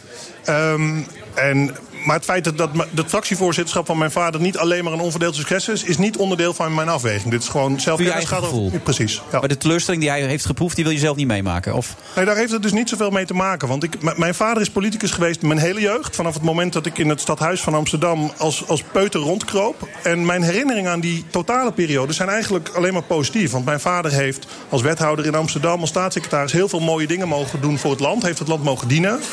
En binnen die periode was er een paar jaar niet zo leuk. Die was voor het CDA ook niet zo leuk. Maar dat is niet, heeft niet mijn jeugdherinneringen over de politiek bepaald. Die veel langere periode is... En alle mooie dingen daaruit, die zijn bepalender geweest. Maar Pieter, wil je dan staatssecretaris worden, zoals je vader? Ik, ik, eh, eh, wat ik het liefste wil, is zolang als dat me gegund is, eh, Tweede Kamerlid zijn. Eh, want dat vind ik het mooiste vak wat er is. Daar volksvertegenwoordiger zijn. En vanaf het moment dat dat me niet meer gegund is, zal ik heel dankbaar zijn dat ik het heb mogen zijn. Is het je wel aangeboden, dat staatssecretarischap? Ehm, nee, ik heb, ik heb vanaf het begin ook, ook ehm, toen de formatie kwam, heel duidelijk gemaakt dat ik sowieso in de Kamer zou blijven. anders hadden ze het zeker wel gedaan. Eh, dat, is altijd lastig. Eh, het zou wellicht altijd het in de wandelgangen, Pieter, dan hadden ze het wel ik, gedaan. ik, ik heb vanaf het begin heel duidelijk aangegeven, ik wil in de Kamer blijven. ja, en dat heb ik ook gedaan. ze het zeker wel gedaan. Je kunt, je, je kunt de geschiedenis niet herschrijven. Ik ben, ik ben Kamerlid, ik ben heel blij dat ik dat ben. En dat wil- hoop ik zo lang als dat me gegund is ook te We blijven. hebben de boeren, de bouwers, we hebben de scholen, de, de leraren, aanstaande woensdag weer. Die willen 432 miljoen erbij. Eh, de, de boeren willen dat die stikstofbesluiten worden anders gedaan. Dat is, dat is jullie achterban. Wat ga je daar tegen zeggen de komende tijd? Nou, het is niet alleen onze achterban. Het is, eh, het is een, eh, die, al die acties die nu gaande zijn. ehm, zijn, ze hebben verschillende oorzaken. Het zijn mensen die, die zorgen hebben over de toekomst van het land. en die willen uiten uit betrokkenheid. Ehm, of het nou gaat om die leren over die boeren. En ik vind het primair ook heel mooi. Eh, maar het is ook een signaal aan de politiek dat er dingen, sommige dingen, ondanks dat het zo goed gaat met Nederland, het gaat economisch fantastisch, dat er grote problemen zijn die we ook met elkaar op te lossen hebben. dit is allemaal retoriek, hè, en- wat je ja, nou- weet ik. En dan Ja. kom ik elke ochtend heel vroeg mijn bed vooruit. Maar jij kunt het Ja, oplossen, hè? Want jij hebt die boeren in je achterban. Jij kunt gewoon zeggen, jongens, Ja. iedereen die wil stoppen... volgens mij zijn er 15.000 die willen stoppen. Je krijgt een miljoen, ik koop je uit. Warme sanering, probleem opgelost. Dankjewel Pieter Heerma, CDA. Ja, als de werkelijkheid zo makkelijk was, hadden we überhaupt geen politici nodig. En de werkelijkheid is niet zo makkelijk. Het stikstofvraagstuk wat we met elkaar hebben is heel groot. We leven met heel veel mensen in een heel klein landje. We hebben veel industrie, we hebben veel agrarische sector. We zijn aan het groeien in bevolkingsaantal. Ehm, en de rechter heeft uitgesproken, het, ja, het is te veel. De natuur leidt er te veel onder. Dat heeft risico voor onze heide, dat heeft risico voor onze insecten. Daardoor is er een rechtelijke uitspraak waardoor de politiek nu ehm, met oplossingen moet komen. Daar is Carola Schout, het kabinet, heel druk mee bezig. En nou, Rutte zal- liep te slapen, hoorden we van de week. Toch, hij is veel te laat, Ja, eh, nou- heeft hij zich ermee bemoeid. Ben je daarmee eens? Wilfred zegt net tegen mij, dit is retoriek. Nou, dat was pas retoriek. Eh, want zeker een minister-president en ehm, ehm, ook Mark Rutte... dat is iemand die 90 uur, 100 uur per week werkt keihard... om dit land beter te maken. En het feit dat dat stikstofprobleem niet in een paar weken oplost is... komt niet omdat maar de het gekke is wel minister-president dat- niet dat bezig beeld- is. dat- Dat, dat- komt dat- omdat het een heel complex vraagstuk Maar is. Pieter, dat, het beeld dat we net ook kregen, ook bij, de, bij, bij, de, bij het onderwijs. Hoe kunnen we dat nou met z'n allen niet zien aankomen? We hadden Marjolein net aan de lijn en die zei ook van... Dat, dat zag je op een kilometer aankomen, die problemen nu met die leraren enzovoort. Wat heeft die politiek zitten doen in die tussentijd dan? Nou, de politiek heeft, heeft heel veel gedaan. Ik ga toch. Ik, ik, ik, ik, vind het altijd ingewikkeld aan dit soort dingen. Dus maar achteraf, hou het simpel dan. eh, achteraf weet iedereen altijd welk probleem er was. Er zijn altijd mensen, dat is in de sport ook zo. Iedereen voorspelde achteraf wat vooraf ze al Dat doen we elke maandag en vrijdag. Kijk. Ja. Ehm, maar het gaat heel goed met Nederland. We hebben een van de mooiste landen om, om in te leven ter wereld. Daarom willen ook heel veel mensen hier naartoe komen. Het gaat economisch goed. We zijn gelukkig. Er gaan ook heel veel dingen mis. En dan zijn er groot, grote complexe vraagstukken, zoals de stikstof. En het kabinet is nu heel hard bezig om dat op te lossen op een manier waarop we met z'n allen die, die last dragen. En dus niet, zoals sommige partijen roepen... we gaan de helft van de agrarische sector even met een pennenstreep wegsteken... en dan is het probleem D66 heb je opgelost. nu over. Ja, daar ben ik het van zeer- coalitiepartij. Ja, maar dat vond ik een onverstandige uitspraak. Dat heb ik ook toen direct gezegd en dat handhaaf ik nog steeds. Het ligt, er ligt een vraagstuk waar we met z'n allen nu moeten kijken... dat is ook een juridisch vraagstuk... hoe we weer een drempelwaarde kunnen krijgen... zodat de bouw weer los kan. Want de woningbouw in Nederland is een groot probleem. Volkshuisvesting in een stad als Amsterdam... Eh, Iets ten noorden hiervan, daar kunnen mensen met een middeninkomen, politieagenten, verpleegsters, leraar kunnen gewoon niet eens meer aan een huis komen. Omdat een, een koophuis gaat snel richting een miljoen, echt. Zeker in sommige delen van Amsterdam. Sociale huurwoningen zijn, zijn bijna niet aan te komen. En de middenhuur is 1900 euro. En wie kan er 1900 Je hebt er euro ook over gezegd, noodwet moet er eigenlijk zo snel mogelijk komen. Wat ik gezegd heb is dat ik het kabinet eh, een aantal weken de tijd geef om nu dit probleem op te lossen. Met die maatregelen te komen. En daar zullen we allemaal een bijdrage aan moeten leveren. Dat weet de agrarische sector weet ook echt wel dat er bij de, daar ook iets gaat gebeuren. Maar wij hebben steeds gezegd dat is op basis van vrijwilligheid. We gaan niet boeren verplicht hun bezit afnemen. Daar moet dus ook geld voor komen. Die paar weken de tijd die is er. En dan moet die drempelwaarde er zijn. En anders heb ik gezegd, sluit ik noodwetgeving niet uit. Want de bouw moet losgetrokken worden. Want er moet weer gebouwd worden. Zodat mensen Dus er moet geld een- vrijgemaakt worden voor die boeren. Dat, dat is heel belangrijk. Er moet ook veel geld vrijgemaakt worden voor het onderwijs. 432 miljoen. Kun je dat even met ons nu uit, even uitrekenen waar we dat vandaan halen? Nou, ik heb een hele dikke portemonnee meegenomen. Nee. Eh, wat we bij de algemeen politieke beschouwingen eh, hebben we het debat gehad met, eh, met het kabinet. Zowel coalitie als oppositiepartijen hebben daar neergelegd. Wat vinden we de prioriteiten? Ik heb zelf bijvoorbeeld erg gepleit voor geld om ondermijning beter aan te, te pakken. Drugscriminelen die ehm, in, in sommige Brabantse steden gewoon echt veel te veel invloed hebben ehm, en eh, te vogelvrij zijn. Maar er is ook voor onderwijs is er veel breed gepleit. Er moet meer geld komen. want Gaat dat er komen? Gaat het er komen? Heeft het nut? wat, wat, Wat wat, wat de minister-president daar toegezegd heeft... is dat deze twee onderwerpen, ondermijning en eh, onderwijs... Topprioriteit de, zeker, de, de twee prioriteiten Ja, zijn dat als... topprioriteit heb je er meer. Maar geen extra Ja. geld. Waarbij Rutte heeft aangegeven dat bij de najaarsnota die dit jaar komt... dit de twee onderwerpen zijn dat als er geld komt, dat het daar naartoe gaat. Als er geld komt. Het gaat zo goed, man. De najaarsnota is er nog niet. Ik ga ervan uit dat als daar geld is, dat het naar deze twee onderwerpen gaat. Oké. En ga je dit ook allemaal roepen aanstaande week? Of volgende week bij het congres? Of? Ik heb ehm, dit in de algemeen politieke beschouwing ook al gezegd. Nee, maar je gaat het ook nog zoiets roepen dat dat... Nou, ik ga tijdens dat congres op 9 november, dat is het CDA-congres in Maarsen, ga ik het vooral hebben over hetgene waar we in het vorige blok het over hadden. Namelijk dat de politiek mensen meer wat meer moet gaan Maar vertrouwen. daar, En- zei, je- daar zei je iets heel verontrustends over. Je zei, je, we hebben er 30 jaar over gedaan om hier te komen. Ja, dat was net in. Kijk, de- We zijn, we zijn een te individualistische samenleving. Er is ehm, eh, te veel markt, te veel overheid en te weinig samenleving. En dat is een trend die in de jaren negentig ontstaan is... met alle liberalisering, alles wat naar de markt gebracht werd... terugtredende overheid. En En dat ga jij niet in een paar jaar en oplossen. ik ga dat niet met een knip in mijn vingers oplossen. We zijn ook weer jaren en mogelijk wel tientallen jaren bezig om, om terug te komen tot een punt waarbij markt en overheid weer ten dienste staan aan die samenleving. In plaats van dat nu het individu het slechtste krijgt van twee werelden. Ik quote je toch even, want ik vond het een mooie quote. We hebben er 30 jaar over gedaan, zei je. Het gaat misschien wel 30 jaar duren om dat weer voor elkaar te krijgen. Dat, is niet eh, het, het, het- dat, is, dat is zeer wel mogelijk. Maar we moeten de weg naar boven, de goede kant op, moeten we wel nu gaan inzetten. Ja, en daar ga je bij helpen, heb ik de indruk. Dat is wel mijn indruk. Ja, goed dat je er was, Pieter. Graag gedaan. Hij is groot trouwens, hè? Ja, hij is niet sterk, normaal. hè? Ja. Niet normaal. Ik hoorde je idee dat je voor judo. Ja, ik heb, ehm, het is heel lang geleden, maar ik heb als junior eh, op hoog niveau gejudo'd. Dus wanneer eh, dingen in het kabinet niet goed gaan... Als we, ehm, conflicten zouden, als, we, rug. als we conflicten zouden moeten opluchten met armpje drukken, zou ik vaak winnen. Ja, dat weet ik zeker. Pieter Heerma, goed dat je er was. Bedankt. Sofie ook trouwens. Tot zo na de reclame. BNR Nieuwsradio. The Friday Move. Dus hij gaat vertellen dat er eigenlijk sprake is van zo'n quid pro quo. Hè? Dus ja, dat is echt puur het effect van de stikstof. En dat gaat heel veel bouwprojecten vlot trekken. Wilfred Genee. Het radioduo Koen Zwijnenberg en Sander Landikra vieren hun 15-jarig jubileum. Hoera, hoera, hoera.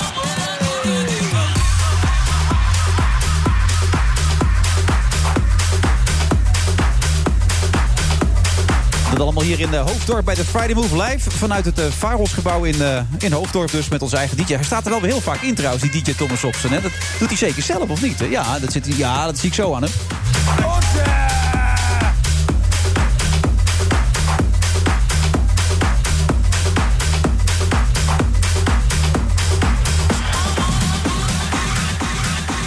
Duo's, dat is best lastig, eh, Jan Dino, hè? Een duo met iemand zijn. Ehm, nou, ik heb het heel lang eh, mogen doen met Chantal. Maar ik vind dat wat, wat jullie met z'n tweeën doen, hè, dat vind ik echt waanzinnig. Jullie zijn wel mijn favoriete duo. Of wel de enige duo die ik denk op de radio, die ik echt gewoon zo goed vind. Dit zijn Koen en Sander, hè, voor de mensen die nog niet Ja, ja, ja. precies Oh, sorry, ja, maar die zijn- het is. Dan, dat voor de duidelijkheid. Maar je hebt het ook met Gordon gedaan. Dat was een poging gewaagd om daar een duo mee te zijn, toch? Maar er hebben heel veel mensen een poging gehad om Ja. eh, met Gordon duo te zijn. Of een trio te zijn. een trio. Of een kwartet. Eh, het is, er is veel overheen gegaan. Ja, maar het is op zich eh, is het, eh, ja, goed, eh, weet je, het is Gordon. Ja, wat zegt dat? Dat, Gordon is uiteindelijk iemand, je, moet, eh, je, houdt van hem of je houdt niet van hem. En uiteindelijk is Gordon iemand die ik denk, die altijd heel veel liefde nodig heeft. Ja. Dat is het eigenlijk. Het is gewoon een hele lieve jongen. En af en toe heeft hij pijn en dan, dan, dan gooit hij dingen verkeerd eruit en zo. En eh, heel lang heeft Nederland alles geaccepteerd van Gordon. En op een gegeven moment eh, zijn de mensen, nou, nou zijn we er klaar mee. Dat was ook goed voor hem. En dan vond hij zichzelf weer. Dan krijg je een soort van een tik van je ouders. En dan werd hij weer nuchter. En volgens mij gaat het nu goed met hem. Hij is aan het afvallen. En ja, hij is helemaal, hij, is, hij gebruikt geen kook meer of wat dan ook. Weet je wel. Dus hij is eh, clean. Dus ik denk dat het goed met hem gaat. Mensen gaan weer van hem houden, zeg jij dan? Ik denk dat mensen altijd wel van hem blijven houden. Eh, eh, het is gewoon net een, een- het is een familielid van je waar je niet om hebt gevraagd. Maar uiteindelijk is die je familie. Dus je, moet er maar mee dealen. Ja, en dat je die kutstem van jou steeds benoemt. En dat die kutverhalen enzovoort. Hij- Dat, Nee, maar goed, hij vindt mijn stem niet echt een van de mooiste stemmen van de wereld. Maar goed, probeer het nog maar eens op een cd-plaat eh, vast te leggen, die van hem. Dat gaat zelf ook niet meer. Maar weet je, ja... ja dat- uitstekend duo geweest, het toch? is- Deze twee. Gordon, ik vind hem oké. Ik Ja. vind hem oké. Zijn er ook momenten geweest, eh, Koen, dat jij dat wel eens bij Sander hebt gedacht? Van, ik kan hem door de wc spoelen? Eh, qua, qua kutstem bedoel je? Nou ja, dat ook, maar nee, nee, meer. Eh, ja, nou, er zijn zeker in het begin wel momenten geweest dat ik dacht... eh, oh jeetje, wat doet hij nu? Want Sander is toch een beetje de olifant in de porseleinkast... die alle kanten op gaat. En ik was zeker in het begin van onze samenwerking... dat, dat keurige jongetje dat netjes binnen de lijntjes kleurde... en de typische radionerd was. En dan kwam in één keer Sander tegenover me zitten... en die, ging, die had maling aan alle radioregels... en die, die ging lekker zijn gang. En Dus in het begin dacht ik, wat moet ik met die jongen? En inmiddels weet Dus ik je zegt het heel netjes, maar was je het ook wel eens met krachttermen en zo? Of, Nee, nee, helemaal nooit? niet. Want Nee? het was heel goed wat er gebeurde. En ik zag ook wel dat het voor mijn ontwikkeling heel goed was. Want ik, ik werd volledig uit mijn comfortzone Maar hoe gedrukt. kwamen jullie bij elkaar dan? Wij zijn eh, eh, gewoon bij elkaar gezet eigenlijk. Door? Door eh, de, de, de omroepbaas van destijds, Jure Bosman was dat. Sander die zou op vrijdag een programma gaan presenteren. En ik deed dat al maandag tot en met donderdag. En toen, toen Sander die kwam van televisie af. En toen was het van, nou ja, misschien kun jij hem ook wat, wat radio meegeven. Dus het, het begon eigenlijk als een beetje een, een proefperiode. En die proefperiode duurt nu al 15 jaar. Hij heeft het nooit gehad, eh, Sander, dat gevoel van krijg de kleren. Jij wel? Nee, zeker niet. Nee, kijk, je begon over duo's. Eh, je bent, het is gewoon een, een relatie. Het is een huwelijk. Met ups, maar eh, ook af en toe met een downtje. En ehm, ja... Ze zijn klein, die, die, die hoppels bij jullie, als ik het hoor. Downtje en... Nee, die zijn, die zijn echt klein. Want het- Ja. net als in een huwelijk moet je ook gewoon praten. En je hoeft het niet altijd met elkaar eens te zijn. Het is je vak ook dat je praat natuurlijk. Ja, zeker. Maar Je moet, het hoeft natuurlijk niet altijd ruzie te worden of te escaleren. Weet je, als je op een gegeven moment zegt, nou ja, dit, dit moeten we misschien anders doen. Of dat kunnen we anders doen. Moet je het gewoon benoemen. En je moet mensen ook, of je moet elkaar ook laten. Je hoeft niet op alle slakken touw te leggen. Nou, en als je het zo een beetje benadert, dan meander je er een beetje doorheen. En dan ben je 15 jaar verder. Ja, je bent nog niet over het verhaal begonnen dat je mij vroeger kende van... Dat ga je ook niet meer doen. Hè, Ik heb jou een keer zien fietsen, eh, Wilfred. In Amsterdam. En ik, ja, ik, en ik denk, ja, toen op RTL 7 deed je darts, toch of zo? Zoiets. Toen zei ik, hé, hey, en weet je wat hij toen zei? Dat was hem. Echt waar? Dat was het. Dat vertelt hij ook. Geweldig verhaal. Niemand Je was niet enthousiast? Nee. Nee, maar ik was toen heel moe. Oké. Ja, dat ben ik nu niet meer natuurlijk. Nee. Ik ben helemaal niet moe. Gaat het goed, jongens, met de show? Ja, nou ja, eh, eigenlijk wel ja. Ja, we gaan heel lekker. Eh, we zitten op 538 iedere middag. En eh, we vermaken ons nog steeds op het best na al die jaren. De luistercijfers zijn, eh, zijn goed. Dus ik geloof dat bedrijf. Moet ik iets over marktaandelen, Q-Music en dat soort dingen gaan roepen? Of, of zitten we daar niet Ja, in? ja, ja, het is jouw programma, dus je mag alles roepen wat je wil. Nee, omdat je ziet dat die strijd behoorlijk is rond ontbrand natuurlijk ook. Dat Q-Music eraan zit te komen, zeg maar. Ja. Ja. Hoe, ervaren jullie dat? Nou ja, dat, dat, dat registreren we, dat zien we. Ehm, maar het fijne is dat wij gewoon lekker iedere dag gewoon ons programma maken. Dat de cijfers van ons programma eigenlijk als de brandweer gaan. En eh, het enige wat je dan moet, doet, is, moet doen is gewoon lekker daarmee doorgaan. En, en lol maken. En dan komt het volgens mij altijd vanzelf wel goed. Ja. geen enkele paniek bij jou ook, Sander? Nee, absoluut niet. Nee, kijk, op het moment dat je daarmee rekening gaat houden... dan ga je iets doen wat je eigenlijk niet moet doen, wat je misschien niet kan. Dan ga je anders denken, anders redeneren, dan ga je anders praten. En volgens mij blaas je dan van binnen uit je eigen programma op. Je moet gewoon doen wat je al 15 jaar doet, lol maken. Eh, we trekken letterlijk om vier uur de, de, de deur van de studio dicht. Ja, ik zie ze vaak dichtgetrokken worden, die deur. Die stuur, Ja, die, die, nou zacht hè, zacht. Ja. en dan hebben we gewoon dan ontzettend veel lol. En we draaien plaatjes en we lachen. En de- nou, nog een beetje informatie ook, middels het nieuws. Ja. En is het vijf voor zeven, dan ga je weer naar huis. Het klinkt heel simpel, maar dit werkt al 15 jaar. Op het moment dat je gaat denken, oké, Q komt eraan... of Radio 2 wil dit gaan... En je gaat, je gaat, als je gaat anticiperen, dan ga je het niet winnen. Veronica? Op tv bedoel je? Nee, kijk je naar andere shows? Eh, Hou je er rekening mee? Ja, Luister je naar ze of, of hou je het helemaal niet Tuurlijk, ja, nee, tuurlijk. Ik luister ik, misschien stiekem wel meer andere radiostations dan, dan 538. Ehm, en ik vind dat heel leuk. Ik ben ook gewoon radioliefhebber. Ik vind het heel leuk om te horen. eh Friday Move. Op vrijdagavond altijd leuk om, eh, om even mee te krijgen. Ja, en dat wij nu tegenover jullie zitten, ik maak hem toch even natuurlijk. Heb je er al eens naar geluisterd of niet? Niet heel veel, zeg ik heel eerlijk, want we maken een eigen programma Ja, dat begrijp ik, hetzelfde Eh, jij, jij doet op jouw programma op, eh, op Radio Veronica. Maak jij een programma op Radio Veronica? Ja, sinds eh, een week of drie.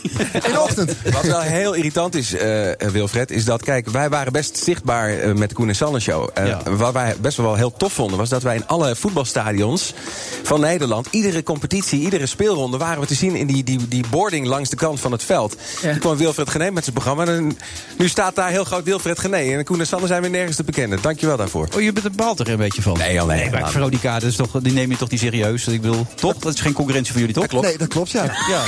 Nee, nee, maar daar zijn we het over eens, natuurlijk, ja. Nee, dat klinkt heel arrogant. Tuurlijk, je, je, je kijkt wat er te koop is op de markt en, en hoe andere programma's het doen. Maar nogmaals, en het klinkt ontzettend cliché, we gaan uit van eigen kracht. Maar moet je jezelf dan niet op zo nu en dan opnieuw uitvinden? Ja, hebben we ook gedaan. Door dus vier jaar geleden naar vijf jaar te gaan. Eh, afgelopen jaar hebben wij echt een heel goed gesprek gehad. Met z'n tweeën en later ook met de redactie. Van oké, nou, het begint nu een beetje sleets te worden. We doen het op de automatische piloot. Het gaat ons misschien wel te makkelijk af. Nou, en dan ga je toch echt in één keer het hele fundament onderweg slaan. Alsof je je huis helemaal opnieuw opbouwt. Ja, en dan trek je Ah, je kleren uit, dat soort dingen. En dan trek je kleren uit. Ja. En dan wordt het een hele leuke 10 minuten. Is het dan uitgezonden? Dat, nee, Nee, want dat is een andere programma. Hij doet het ook gewoon op de radio namelijk. Hij doet het overal. Nee, nee, nee, maar jij, hij gaat, ja, jij gaat Ja, naakt, ja, hè? dat is 14 november. Dat is nog niet uitgezonden. Nee, oh, oké, oké. Nee. Maar, maar waarom heb je ja gezegd? Eh, daar heb ik heel lang over nagedacht. Om dat aandacht te vragen voor eh, mannenkanker. Omdat eh, heel veel mannen of prostaatkanker krijgen of teelbalkanker. En die daar niet over durven te praten. Nee, maar dat snap ik. Dat, Ja. dat- maar maar hoe, je moet je wel heel, heel zeker zijn van Nou, je jonge heer. Nou, maar ja, zegt altijd dat jij dat ook altijd bent. Dat jij een enorme lus hebt. Wie, wie zegt dat? Gordon zegt dat toch altijd? Ja, maar Gordon zegt het over iedereen. Dat is... Ja, Het is, dan is het Jan Dino apparaat. Ja. Maar hij wil dus een vraag voor jou waarom je dat toch gedaan hebt. Nou ja, omdat, eh, eh, eh, kijk, het, het komt uit Engeland. Het is, daar heet het de Full Monty. Het is op een ludieke manier aandacht vragen voor dat soort dingen. En, en als je mannen vraagt eh, eh, een schaamte voorbij te gaan, dan moet je zelf ook een, een, een grens over, de schaamte voorbij. Live op televisie, gewoon na. Ja, maar dan ga ik, klink ik als een, een, een softe erotische actrice uit de jaren 70. Het is heel smaakvol gefilmd. Oh, kijk aan. En maar Jandino, je hebt het tegen de man die het centercourt van Wimbledon Klopt, in zijn ja. speelde. joh. Je hebt gelijk. En voor hem is dit niks, joh. Nee. Jij wil het ook graag. Of het nou ziekte was of niet, je had het sowieso gedaan. Sterker nog, ik heb geen slipje aan. Maar jij had, het, jij had het dus niet gedaan als ze jou gevraagd hadden. Ze hebben mij gevraagd. Ja, ze hebben jou gevraagd. Ja, ja, ja, Ja. Maar, yo, weet je waarom zou ik andere mensen onzeker gaan maken? Dat is één. Nee, ik zou het... Nee, te nee, makkelijk. nee, nee, nee, nee, nee, ik zou het niet durven. Eerlijk waar, ik vind het echt knap, maar ik zou het niet... Nee, dat zou ik niet durven. Ah, het, is, het is een beetje all-stars gewoon. Een oud voetbal, oude, uitgelanceerde mannen, dat zijn wij. Die nog één keer een kunststukje gaan doen. En het is een hele aanloop er naartoe, een documentaire. Ontzettend leuk om te zien. We gaan zo weer door met Koen en Sander hier bij BNR.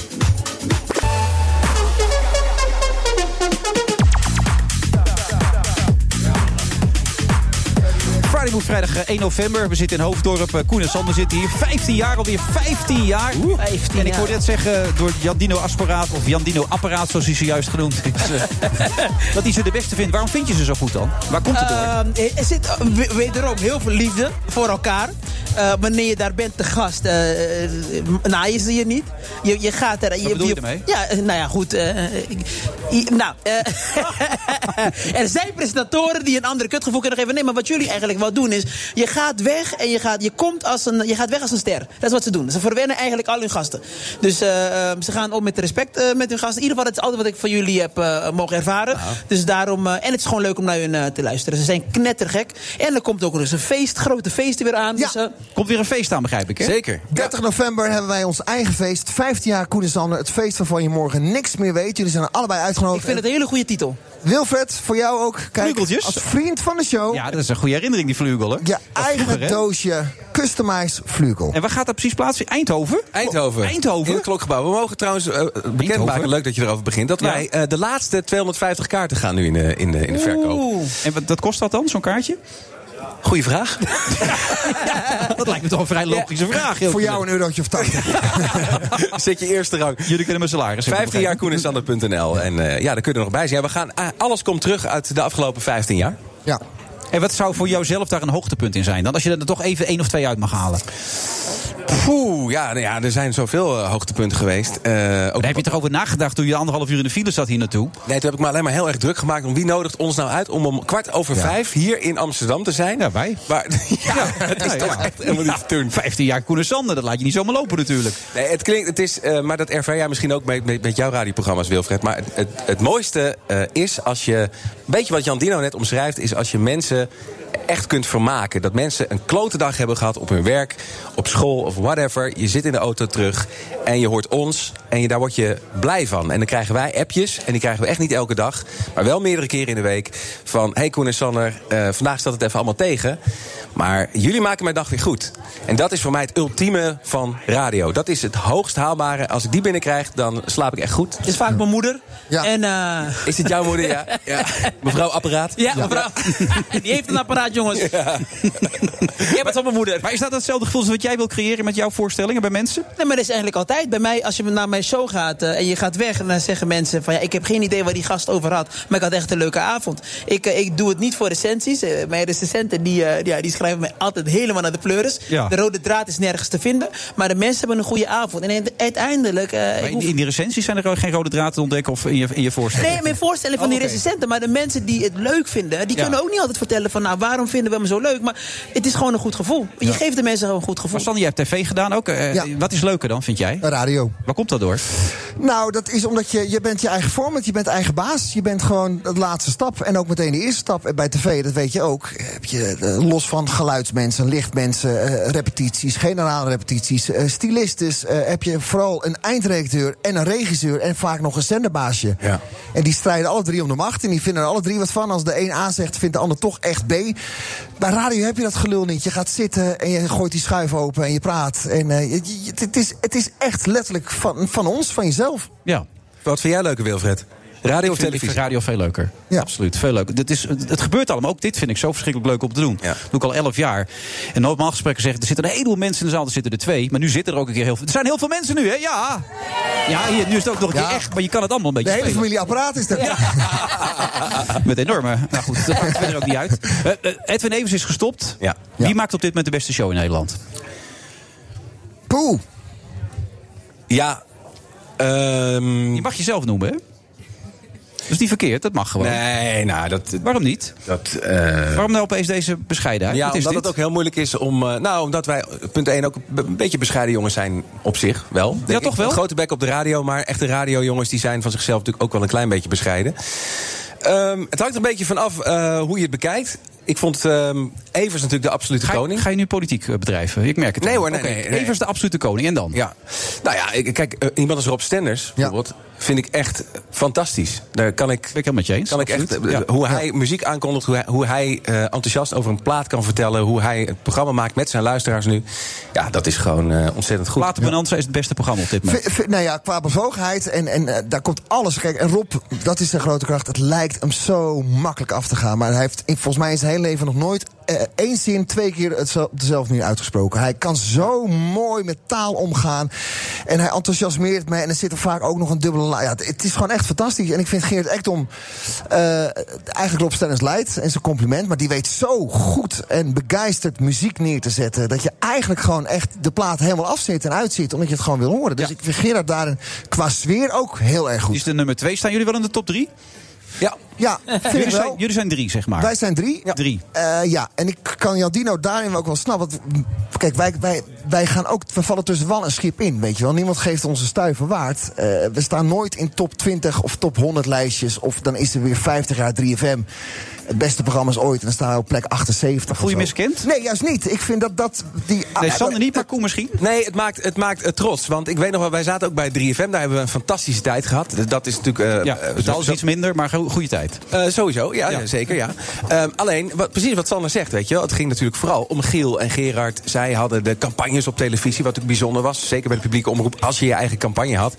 Maar ja, als je naar de onderzoekjes keek, dan stonden wij steeds op één. Werden wij, het, eh, hè, en niks ten nadele van de rest. Maar eh, stiekem, weet je wel, de luisteraars, eh, die waarderen ons heel erg. En dat is leuk. Ja.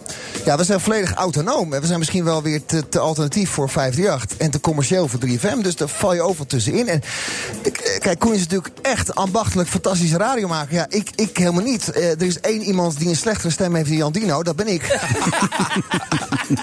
en toch werkt het al 15 jaar. En als je nou vraagt wat is de sleutel, weten we het zelf niet eens. Maar dat is misschien wel het belangrijkste. En dat is misschien de Ja, sleutel. misschien moet je het ook niet gaan bedenken. Nee. Ik hoor niet de naam Ruud de Wild vallen. Dat is de grootste eigenlijk, hè, die middag. Eh, ja, Radio 2 is de grootste zender van, van Nederland. Maar wat vinden jullie van Ruud dan? Nou, ik heb eh, in mijn leven heel wat uurtjes naar eh, Ruud de Wild geluisterd. En eh, ik vind hem hartstikke leuk. en hij ook naar ons. En, eh, en, hij, ook, en hij ook naar ons. Eh, ja, nou, hij is vooral heel erg met ons bezig. Hij is, in interviews gaat het heel vaak over ons. Wij zijn iets minder met hem bezig. En als het gaat om, om luisteraars, heeft in absolute aantallen heeft hij er misschien een paar meer. Als het gaat om alle belangrijke doelgroepen, zitten wij er gelukkig nog wel een stukje boven. En ze luisteren bij jullie ook iets langer, begrijp ik toch, of niet? Nee, nee, korter, nee, nee, dat is het. Nee, dat is het Korter? probleem. Is dat het verhaal? Ja. Bij ons luisteren ze korter. Wij weten meer mensen te bereiken, maar ze luisteren korter. En, en Ruud doet het gewoon goed bij de mensen die graag een advocaatje met slag gaan weten. En vergeet niet. Rob Stenders is zijn voorprogramma. Ja. Dus hij heeft het beste, de, het beste Oh, ja. programma voor hem Maar zitten. eh, Ruud de Wild, eh, eh, begin 2000 met Jeroen Kijker de Vecht en Sander de Heer... Is, is een van de beste radioprogramma's ooit. Destijds. Destijds. Maar nu, nu niet meer, begrijp ik. Nee. Nee. Nee. Waarom niet?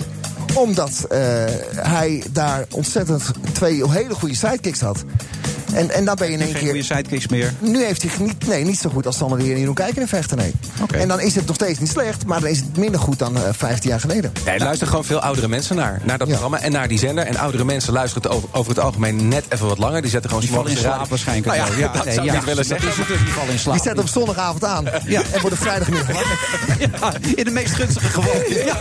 Als ze wakker worden. ja, dat bedoel ik maar. Eh, nog 15 jaar? Zeker. Ja? Ja, ja, kan dat? Is, dat is dat mogelijk? Ja? Ja, Ah, ja, ja, natuurlijk is alles is mogelijk. Ik weet niet of het daadwerkelijk gaat gebeuren. Maar als het gevoel er is zoals dat nu is... eh, de, de lol waarmee we iedere dag om 4 uur die studio bij 538 instappen... Ja. teken ik ervoor. En anders gaan we de middag op Veronica doen. Ja, ja. Wil je ook nog iets aardigs over ze zeggen? Nee, maar ik heb heel veel aardige geweest over dingen, Nee, toch? ik heb alleen maar leuke dingen over hen gezegd. En eh, ik ben benieuwd naar het feest eh, Nooit meer wakker worden. Of was het nou? zoiets, zoiets is het. Feest waarvan ik morgen niks meer weet. Nou, Oké. hetzelfde. 15 jaar Koenenstander.nl. Dankjewel, goed dat jullie er waren, mannen. Dankjewel. Succes. BNR Nieuwsradio. The Friday Move. Wij willen gewoon eh, eh, hier in Den Haag duidelijk maken dat er wat aan de hand is. En er zijn fouten gemaakt. Dus ja, dat is echt puur het effect van de stikstof. Nou ja, ik zou zeggen tegen studenten, trap er niet in. Wilfred Gené. Regisseur Martin Koolhoven gaat de komende maanden de theaters in met een filmcollege. Oh, oh nee, sorry, zo mag ik het niet omschrijven, begrijp ik.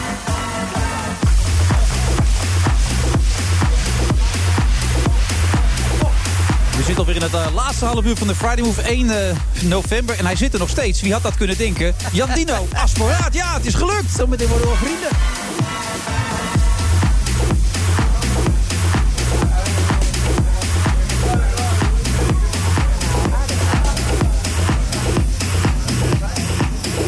Ik kan eh, dit laatste half uur beginnen met goed nieuws, eh, Jandino. We krijgen zojuist door het kabinet maakt 460 miljoen vrij voor het onderwijs. Jee, na, Ja. dit jou- na jouw programma. Nou, dit, nou, nou, jouw oproep natuurlijk ook. Hè. Ze hebben het gehoord. Pieter Heerma een beetje aangepakt en iedereen doet het gelijk. Nee, maar dat is echt heel blij. Ja, dat is echt belangrijk. Dat is mooi, hè? Dit, Ik weet niet hoe oud jouw kinderen zijn, maar... 9 en 11. Dus die hebben er ook mee te maken. Oh ja. Geen ja, leraren. Ja, ja, ja. Het is, het, Grote klassen. Ja, het is, het, het is verschrikkelijk. Ja. Want, eh, Er kan niks. Als iemand eh, dreigt ziek te gaan worden... dan lopen er allemaal mensen omheen om te zeggen... alsjeblieft weet je. Je merkt gewoon aan alles dat, eh, dat ze een tekort hebben. Zeker in Amsterdam. Ja, nou ja, goed. Goed dat er, er moet er waarschijnlijk nog mooi. meer geld bij komen. Maar het is een begin. Laten we het daarop houden. Klassiekers met koolhoven. Het klinkt ook lekker, hè? Ja, vind je? Met melk meer mans. Klassiekers met koolhoven. Ja, toch? Ad- oh, ja, alliteratie altijd goed. Ja, dat werkt hoor. Dat is een tierenlier. Heb je ook wel eens een voorstelling zo gemaakt? Eh, dat de titel echt Ja, zo tik, tik, tik, zo. Met Heineken. eh, heerlijk helder Heineken of zo. Dat, je, Mm. dat, dat die lekker loopt. Nee, nog niet. Maar ik vind het wel een goede titel. Ja. Klinkt lekker. Nee, ik heb niet zo'n... eh, nee. Het apparaat van apparaten. Dat, dat zou nu de volgende... Dat zou een hele goede voorstelling Ja, dat zou hem nu kunnen ik worden, ja. Dat Oh, echt waar? Ik mag het niet een college noemen, heb ik begrepen. Hè? Nou, Filmcollege. ja, god, ik ben zo bang dat mensen denken dat het saai wordt als je college. Weet je, ik bedoel, eh, dan, dan ze denk jou ik dat- toch? Dan weten ze dat het niet saai hoop, wordt. hoop je wel. Maar ik heb er van het begin af aan, want ik heb natuurlijk dat televisieprogramma gehad ook, eh, Kijk van Koolhoven, ook eh, met elkaar.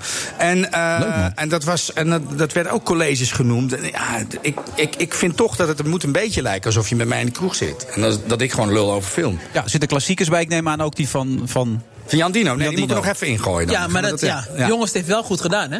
Ja, Daarom. toch. Zou wel fijn vinden Ja, als maar dan- klassieker is sowieso, eh, vind ik, 20 jaar oud. En dat, eh, Dat- dat redden we niet. je nog niet, hè? Nee. Maar als je mag, mag analyseren, mag eh recenseren die film? Ik heb hem nog niet gezien. Schande, hè? Want ik ken ook nog mensen die eraan meegewerkt hebben. Het is eigenlijk verschrikkelijk. Ik ga hem, ik ga hem nu binnenkort kijken ook. Alsjeblieft, ik heb wel jouw werk gezien. Echt waar? Alles? Dan ben jij dat. alles. Jij bent dat. Ik Oh, ben oké. je grootste fan, samen met mijn moeder. Hebben we alles gezien. Maar wat vind je van zijn werk dan? Nee, maar ik vind het heel goed. Ja, maar dat weet hij zo- natuurlijk wel. Ik ben eigenlijk de eerste film die ik van jou heb gezien, is Nis Oh ja, ja. ja. Ja. ja. Dat het was niet mijn eerste film, maar het is 2005. Nee, wat ik heb gezien, Ja, ja, wat ja, ik heb precies. gezien. Ja, ja, ja, ja. ja, nee, dat is... Godsam, man, dat is alweer 14 jaar geleden. Ja. Ja. Maar vind je hem verder wel goed? Ja, ja want ik, ik ken hem dus inderdaad eh, via mijn kinderen. Want die, die, die, die kijken die televisiedingen natuurlijk altijd. Ja. Dus jullie vinden elkaar goed? Ja. Oh, dat is altijd lekker, Ja. toch? Dat is toch een goed begin? Ja, dat is voor een Nou, goede ja. basis. Ja. Dus geen college, maar wat ga je dan precies doen? Hoe ga je het brengen? Ehm, Klassiekers, hè? Ja. Jaws bijvoorbeeld. Bijvoorbeeld Jaws, Ja, daar ga ik het zeker over hebben. Once Upon a Time in the West komt ook langs. En, en, en, en ik ga aan de hand van een aantal... Kijk, want een kla- wat maakt nou een klassieker? Een klassieker...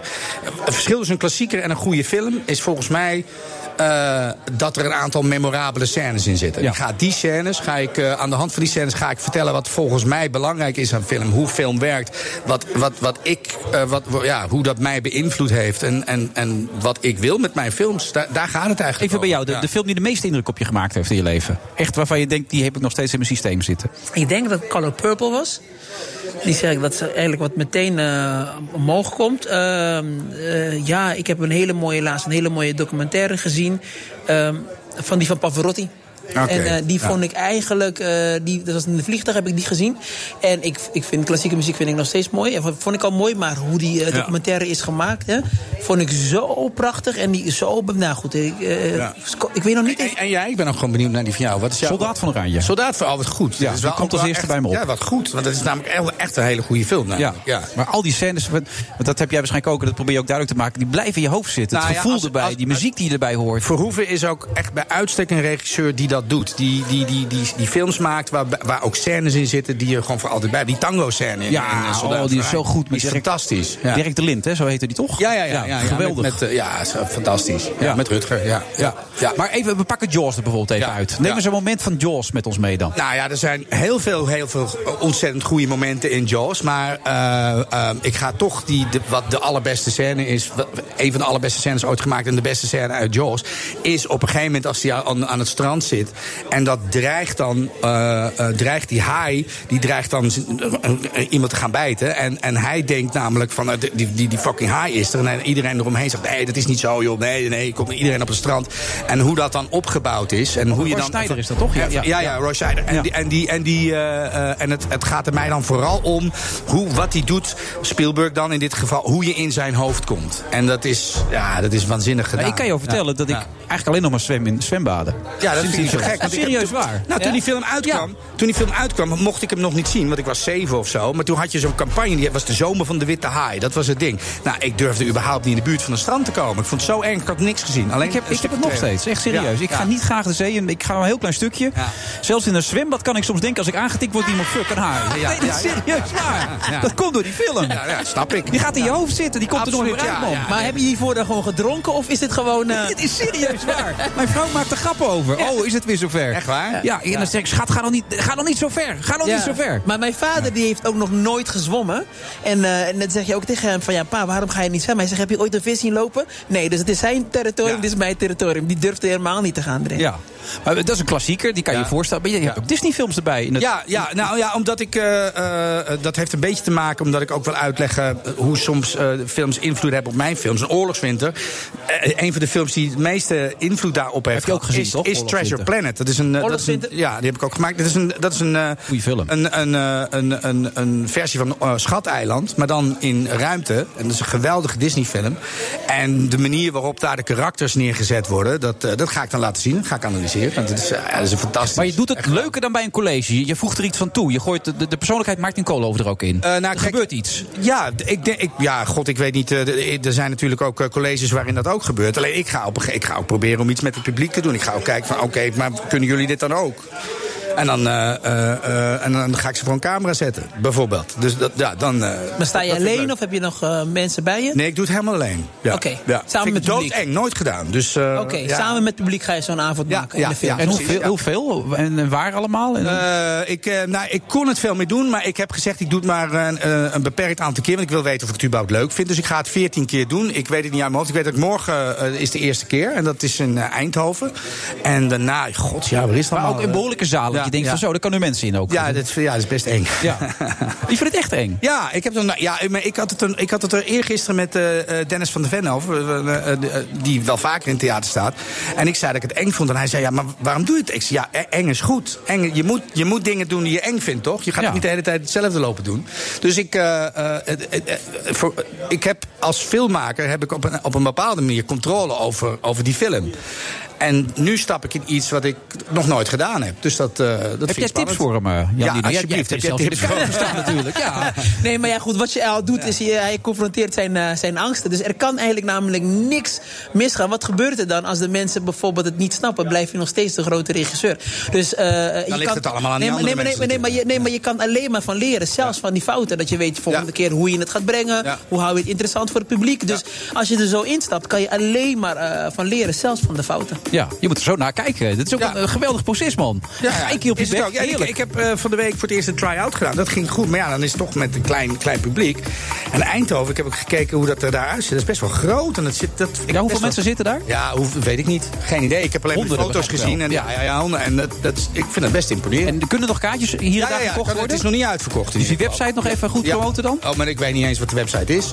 Als je Oh, gewoon eh eh, Koolhoven. Theater doet op, eh, bij Google, dan kom je er wel. Dan kom je er wel. Ja, tuurlijk. Ja. Zoveel koolovers zijn er niet in theater. Nee, zeker niet het Martin Koolhoven natuurlijk. Dat is wel heel goed. En die film over de onafhankelijkheidsstrijd in Indonesië, gaat dat nog een beetje? Ja, die gaat er niet over. Het is een, het is een, ben ik nog aan het schrijven. Dat is een, een, een, een thriller die zich afspeelt in die tijd. Oké. Dus het bloedt er wel in. Ja. Maar ik probeer het op een abstracte manier in een misdaadverhaal eh vorm te geven. En heb je daar een deadline voor dat je zegt... Ja, maar die ben ik al een paar keer voorbij gegaan. Nee, Oh. dit is, ja, ik, ik, ik trek me daar niet zoveel van aan. Ik vind dat het gewoon goed moet. En wat is de beste Nederlandse film eh, ge- aller tijden? En wat is jouw beste film? Nou ja, het, klinkt heel stom om te zeggen Soldaat van Oranje. Want, dat, dat heeft hij net ook gezegd, maar dat is wel waar.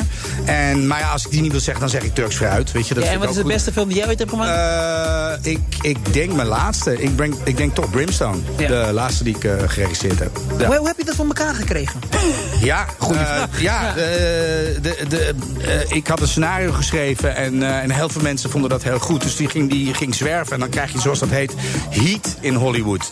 En dan wil iedereen erin zitten. Dan bellen ze jou op dat ze erin willen. Dat, zo gaat het. En zo, als je op het moment dat je zo'n Dakota dan eh, Ja. zo'n cast en die komt op de casting. W- w- Ja. Wat gaat er door je heen? Ben je nog flabbergasted nog? Beetje starstruck? Of, eh, eh, Eh, ik ben, nou, de, de eerste van al die mensen die ik ontmoette, dat was eh, Guy Pearce. En toen was ik, was ik, eh, had ik iets wat eh, starstruckness. Hoe, hoe zeg je dat? Ja. Mooi. En toen, en toen en, en het was een hotel in eh, Londen. En toen kwam ik daar zitten. En ik merkte eigenlijk binnen twee minuten dat hij zenuwachtiger was dan ik. Toen dacht ik, oké.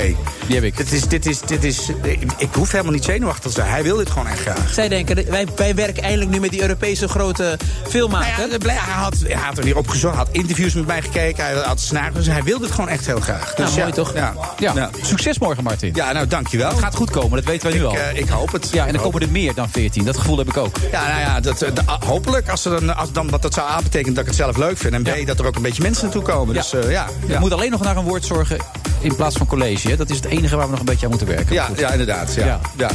Ja. want anders zou het gewoon college met kolen overheden. Want dat, dat allitereert ook. Had ook gekund, Ja, inderdaad. ja. Denken we over na. Dus Misschien ook iets voor jou om even mee te ik ga meedenken. Ja, Gewoon samenhangen met... Nee, dat is gewoon geen... eh, nee.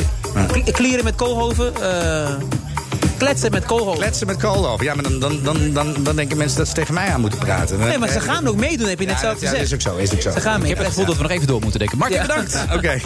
Tot zo. Joep.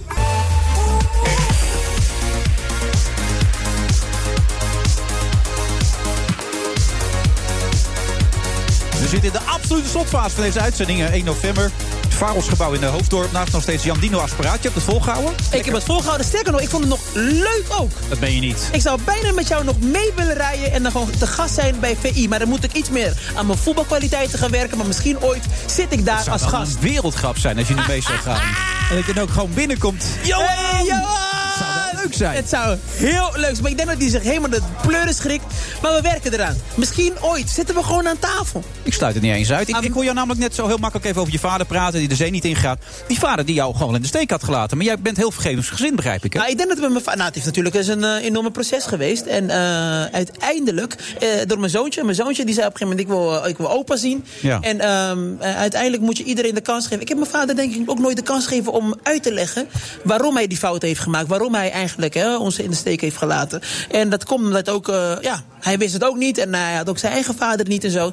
En uiteindelijk nu, eh, ja, kan hij niet mijn vader zijn. Hij is gewoon mijn vader, biologische vader. Ja. Maar hij kan nu wel een band opbouwen met mijn zoontje. En dat kan ik hem niet weerhouden. En nu is het weer goed. En het is ook goed om dingen ook los te laten. Want ik kan ook wel voor eeuwig... Kijk, in het begin was ik, zei ik van ontkenning. Ik heb hem helemaal niet nodig. Toen was ik woedend. En daarna verdriet. En nu is er gewoon rust. Maar begrijp je hem of begrijp je hem niet? Maar Ik begrijp, nee, nee, nee, nee, ik begrijp hem zeker. Eh, ik, sterker nog, eh, omdat ik mijn kinderen begrijp. Ik, ik snap nu wat het is. Ik zeg ook altijd, vader zijn, een goede vader... dat ben ik pas als ik dood ben geweest. Dan kunnen ze zeggen, eh, eh, heb je het goed gedaan. Want elke dag leer je. Je kinderen leren je ontzettend veel. Hè? Dus eh, ik, het is heel moeilijk om een vader te zijn. Het is moeilijk om een moeder te zijn. Het is gewoon ontzettend moeilijk om een ouder te zijn. Je kinderen veranderen, jij verandert en je leert elke dag. En mijn vader heeft op, helaas op een late leeftijd geleerd... wat hij had moeten doen. Dat was een beetje lullig voor mij. Ook lullig voor hem. Eh, eh, Maar maar- had je op je 18 al een keer gebeld? Je hebt me nooit gebeld, had hij toen tegen je gezegd. Klopt, en dan kan je eh, zien hoe weinig hij wist. Hè? Want op dat moment legt hij de verantwoordelijkheid bij mij neer. Ja, volwassen ja, ja, Ja. jij, jij had me moeten bellen, terwijl ik je twaalf jaar niet, zo, niet heb gesproken. Dus dat was voor mij eigenlijk een realisatie. Want ik dacht, de tranen kwamen, maar ik snapte niet waar het vandaan kwam. Want ik dacht, ik heb je helemaal niet nodig. En toen besefte ik, nee, wacht even. Ik had wel een vader nodig. En ik had wel iemand nodig die mij naar voetbal bracht, ook al kon ik het niet. Weet je wel, ik had wel iemand nodig die mij leerde om te huilen en, en om te, weet je, gewoon een, een vent te zijn. Ehm, dat, dat, dat heb ik zelf moeten ontdekken. Weet je, ook een beetje, de, je moeder doet zoveel als ze kan. Eh, maar goed, in ieder geval, uiteindelijk ga je ook leren van je moet ook op een gegeven moment dingen ook los kunnen laten. Ook dingen op een plek kunnen zetten. En dat heb ik gedaan met mijn vader. Ja. En nu kunnen we echt ontzettend goed met elkaar door één deur. Het is niet dat vader-zoon band die je had willen hebben. Dat kan ook niet, maar er is tenminste een band. En daar moeten we ook een beetje ook dankbaar voor zijn. En dan. eh, en ik heb nu een fantastische band met mijn kinderen, dus eh, ja. En dat staat ook toevallig in dit boek allemaal, hè? Het staat nu allemaal is allemaal in het boek. En nee, maar het is wel heel tof. En ik doe een is beetje. dat, dat het allemaal in staat gewoon, hè? Ja. Nee, maar het is, het is, ik vind het fijn dat er heel veel reclame wordt gemaakt. Het gaat hartstikke goed. Mensen lezen het zowat in één dag uit. En het is echt een hele open, eerlijke boek. Ik ben zo open geweest daarin dat mensen schrikken van... Jeetje, waarom vertel je dat allemaal? Maar ik had het ook niet op een andere manier kunnen doen. Dus ik ben heel trots op het boek en trots op eh, eh, het succes er van het boek. heftige dingen in. Dat je eigen familie jezelf discrimineerde omdat je zwarter was dan de rest. Dat vind ik heftig om te lezen, hoor. Dat nee, maar, ja, maar dat is, dat is wel wat het is. En, en, en ik denk dat je op het moment dat wij over discriminatie zo breed kunnen eh, eh, praten... waarbij het niet alleen dus van jou uit zou moeten komen... maar waarbij het ook gewoon in de eigen gemeenschap dat het er ook is. Het is uiteindelijk eh, racisme ook. Het is allemaal gebrek aan informatie. Hè? Dus het is onzekerheid bij andere mensen. Dus ik probeer het op een andere... Ik gebruik het woord racisme eigenlijk zo goed als nooit. Het is eigenlijk gewoon gebrek aan informatie. We hebben angst voor elkaar toe. weet Zoals je? ook die mensen al die dingen over jou hebben gezegd... naar aanleiding van ons programma. Dat ja, maar het is allemaal gebrek aan informatie. Nogmaals, op het moment als je heel eerlijk bent hè, over de situatie... je kan over iemand zeggen, ik vind hem niet grappig, wat dan ook... maar je, je komt pas op zo'n lelijk punt in je hart... als het in je hart niet helemaal lekker klopt. Het heeft niks te maken met racisme. Wij zitten in Nederland allemaal met, met z'n allen één doel. We willen allemaal één veilig Nederland. We willen een mooi Nederland. We willen gewoon leuke dingen doen met onze kinderen. En op het moment dat jij denkt dat ik namelijk jouw shit kom nemen... dan val je mij aan. Maar als je opeens achterkomt, nou, ik ben niet degene die jouw shit komt eigenlijk nemen... En sterker nog, ik wil jou helpen heel veel dingen te bereiken. Dan ga je me anders benaderen. Nogmaals, gebrek aan informatie. Maar we kunnen daar uren Nee, over grappig. Je praten. zegt in het boek op een gegeven moment... als je ver wil gaan, moet je in een groep gaan. Je hebt elkaar ja, nodig. Dat is maar dat is het. Wil je, wil je snel komen, loop alleen maar. Wil je ver komen, loop samen. En nu lijkt het allemaal hele mooie clichés allemaal. Maar het is wel hoe het is. Het is echt... En zo ben ik gekomen van het jongetje die sliep op de grond. En die, die moest poepen in de bosjes. Ja. Naar vijf toiletten. Dat ik moet kijken waar ik kak nu. Ja. Ja. Ja, Zo is het ook. Aan één kant ook. Dat je dat allemaal kan bereiken met Ja. dat gevoel. Ja, dus... en, en eh, vergevingsgezind zijn. Ik kan niet voorstellen trouwens dat je ook hebt gezegd... dat je achter de schermen wil werken. Want dat past niet helemaal bij je, toch? Niet Nee, maar ik vind het echt, ja, met. Ik vind achter de schermen, ik vind het maken veel maar leuker. Je moet je voorstellen, ik heb drie jaar geleden stopgezet tegen mijn eigen contract. Ik heb pas eh, Dance, Dance, Dance gedaan. En eh, even kijken, wat heb ik nog meer gedaan? Toen met, met Gordon en zo. Maar Ja. voor de rest heb ik eigenlijk bijna niks gedaan. Het is heel veel herhaald. Dus je hebt op- steeds op die vijf toiletten gezeten, de beurt de hele tijd. Dat heb je zitten doen. Het moet, pot moet gevuld worden. Nee, maar ik vind het achter de scherm. Ik ben nu hele toffe, mooie dingen aan het doen. Waar ik ooit uh, hoop bij jou te kunnen over praten. Over Curaçao. En eh, andere jongeren aan het helpen. eh, andere ondernemers aan het helpen. Dus eh, te bouwen. Ja. Dus eh, nee, man. Het is achter de schermen is het ook heel mooi. De televisie zijn is leuk. Maar daarachter het echte leven is een stukje mooier. Moet ik nog iets tegen Johan zeggen? Dat ik heel veel liefde heb voor hem. En dat is gemeend. En dat ik, als ik hem zie buiten, dat ik hem een hele dikke knuffel geef. En het is niet om te ouwe hoeren. Kijk, ik geloof niet meer dat die vent iets eh, tegen mij heeft. Ik heb ook niks tegen die vent. Dus eh, laten we het ook niet groter maken dan het is. En als die echt nog ergens een gevoel heeft van... Weet je wat, dat hij nog een naar gevoel heeft... dan kom ik naar hem toe en dan gaan we even samen koffie drinken.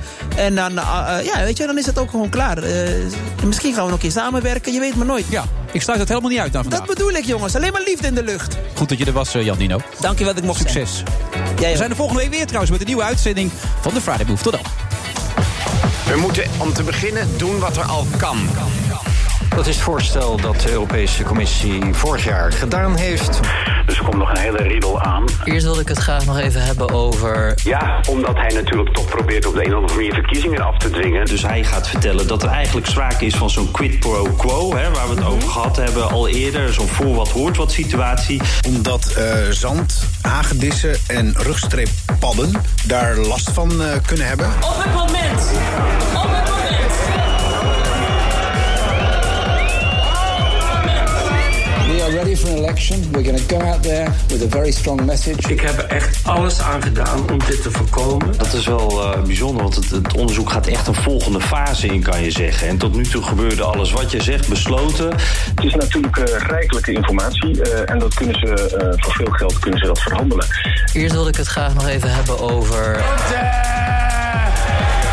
Dus ja, dat is echt puur het effect van de stikstof die, eh, ja, die er hard ingrijpt. En er zijn fouten gemaakt. En dat vind ik heel erg pijnlijk. En dat spijt me ook heel erg. Nou ja, ik zou zeggen tegen studenten, trap er niet in.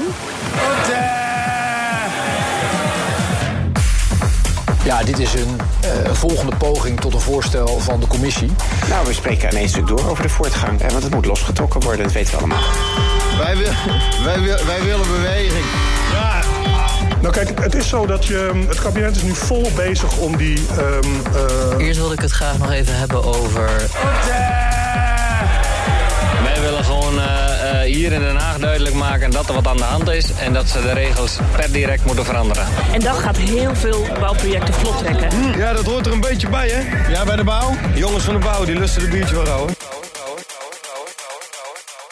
De Friday Move wordt mede mogelijk gemaakt door TUI. Ik ben Olivier van Solft. Betaalt u te veel huur of huurt u te veel kantoorruimte?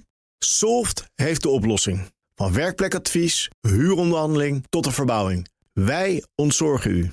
Kijk voor al onze diensten op soft.nl.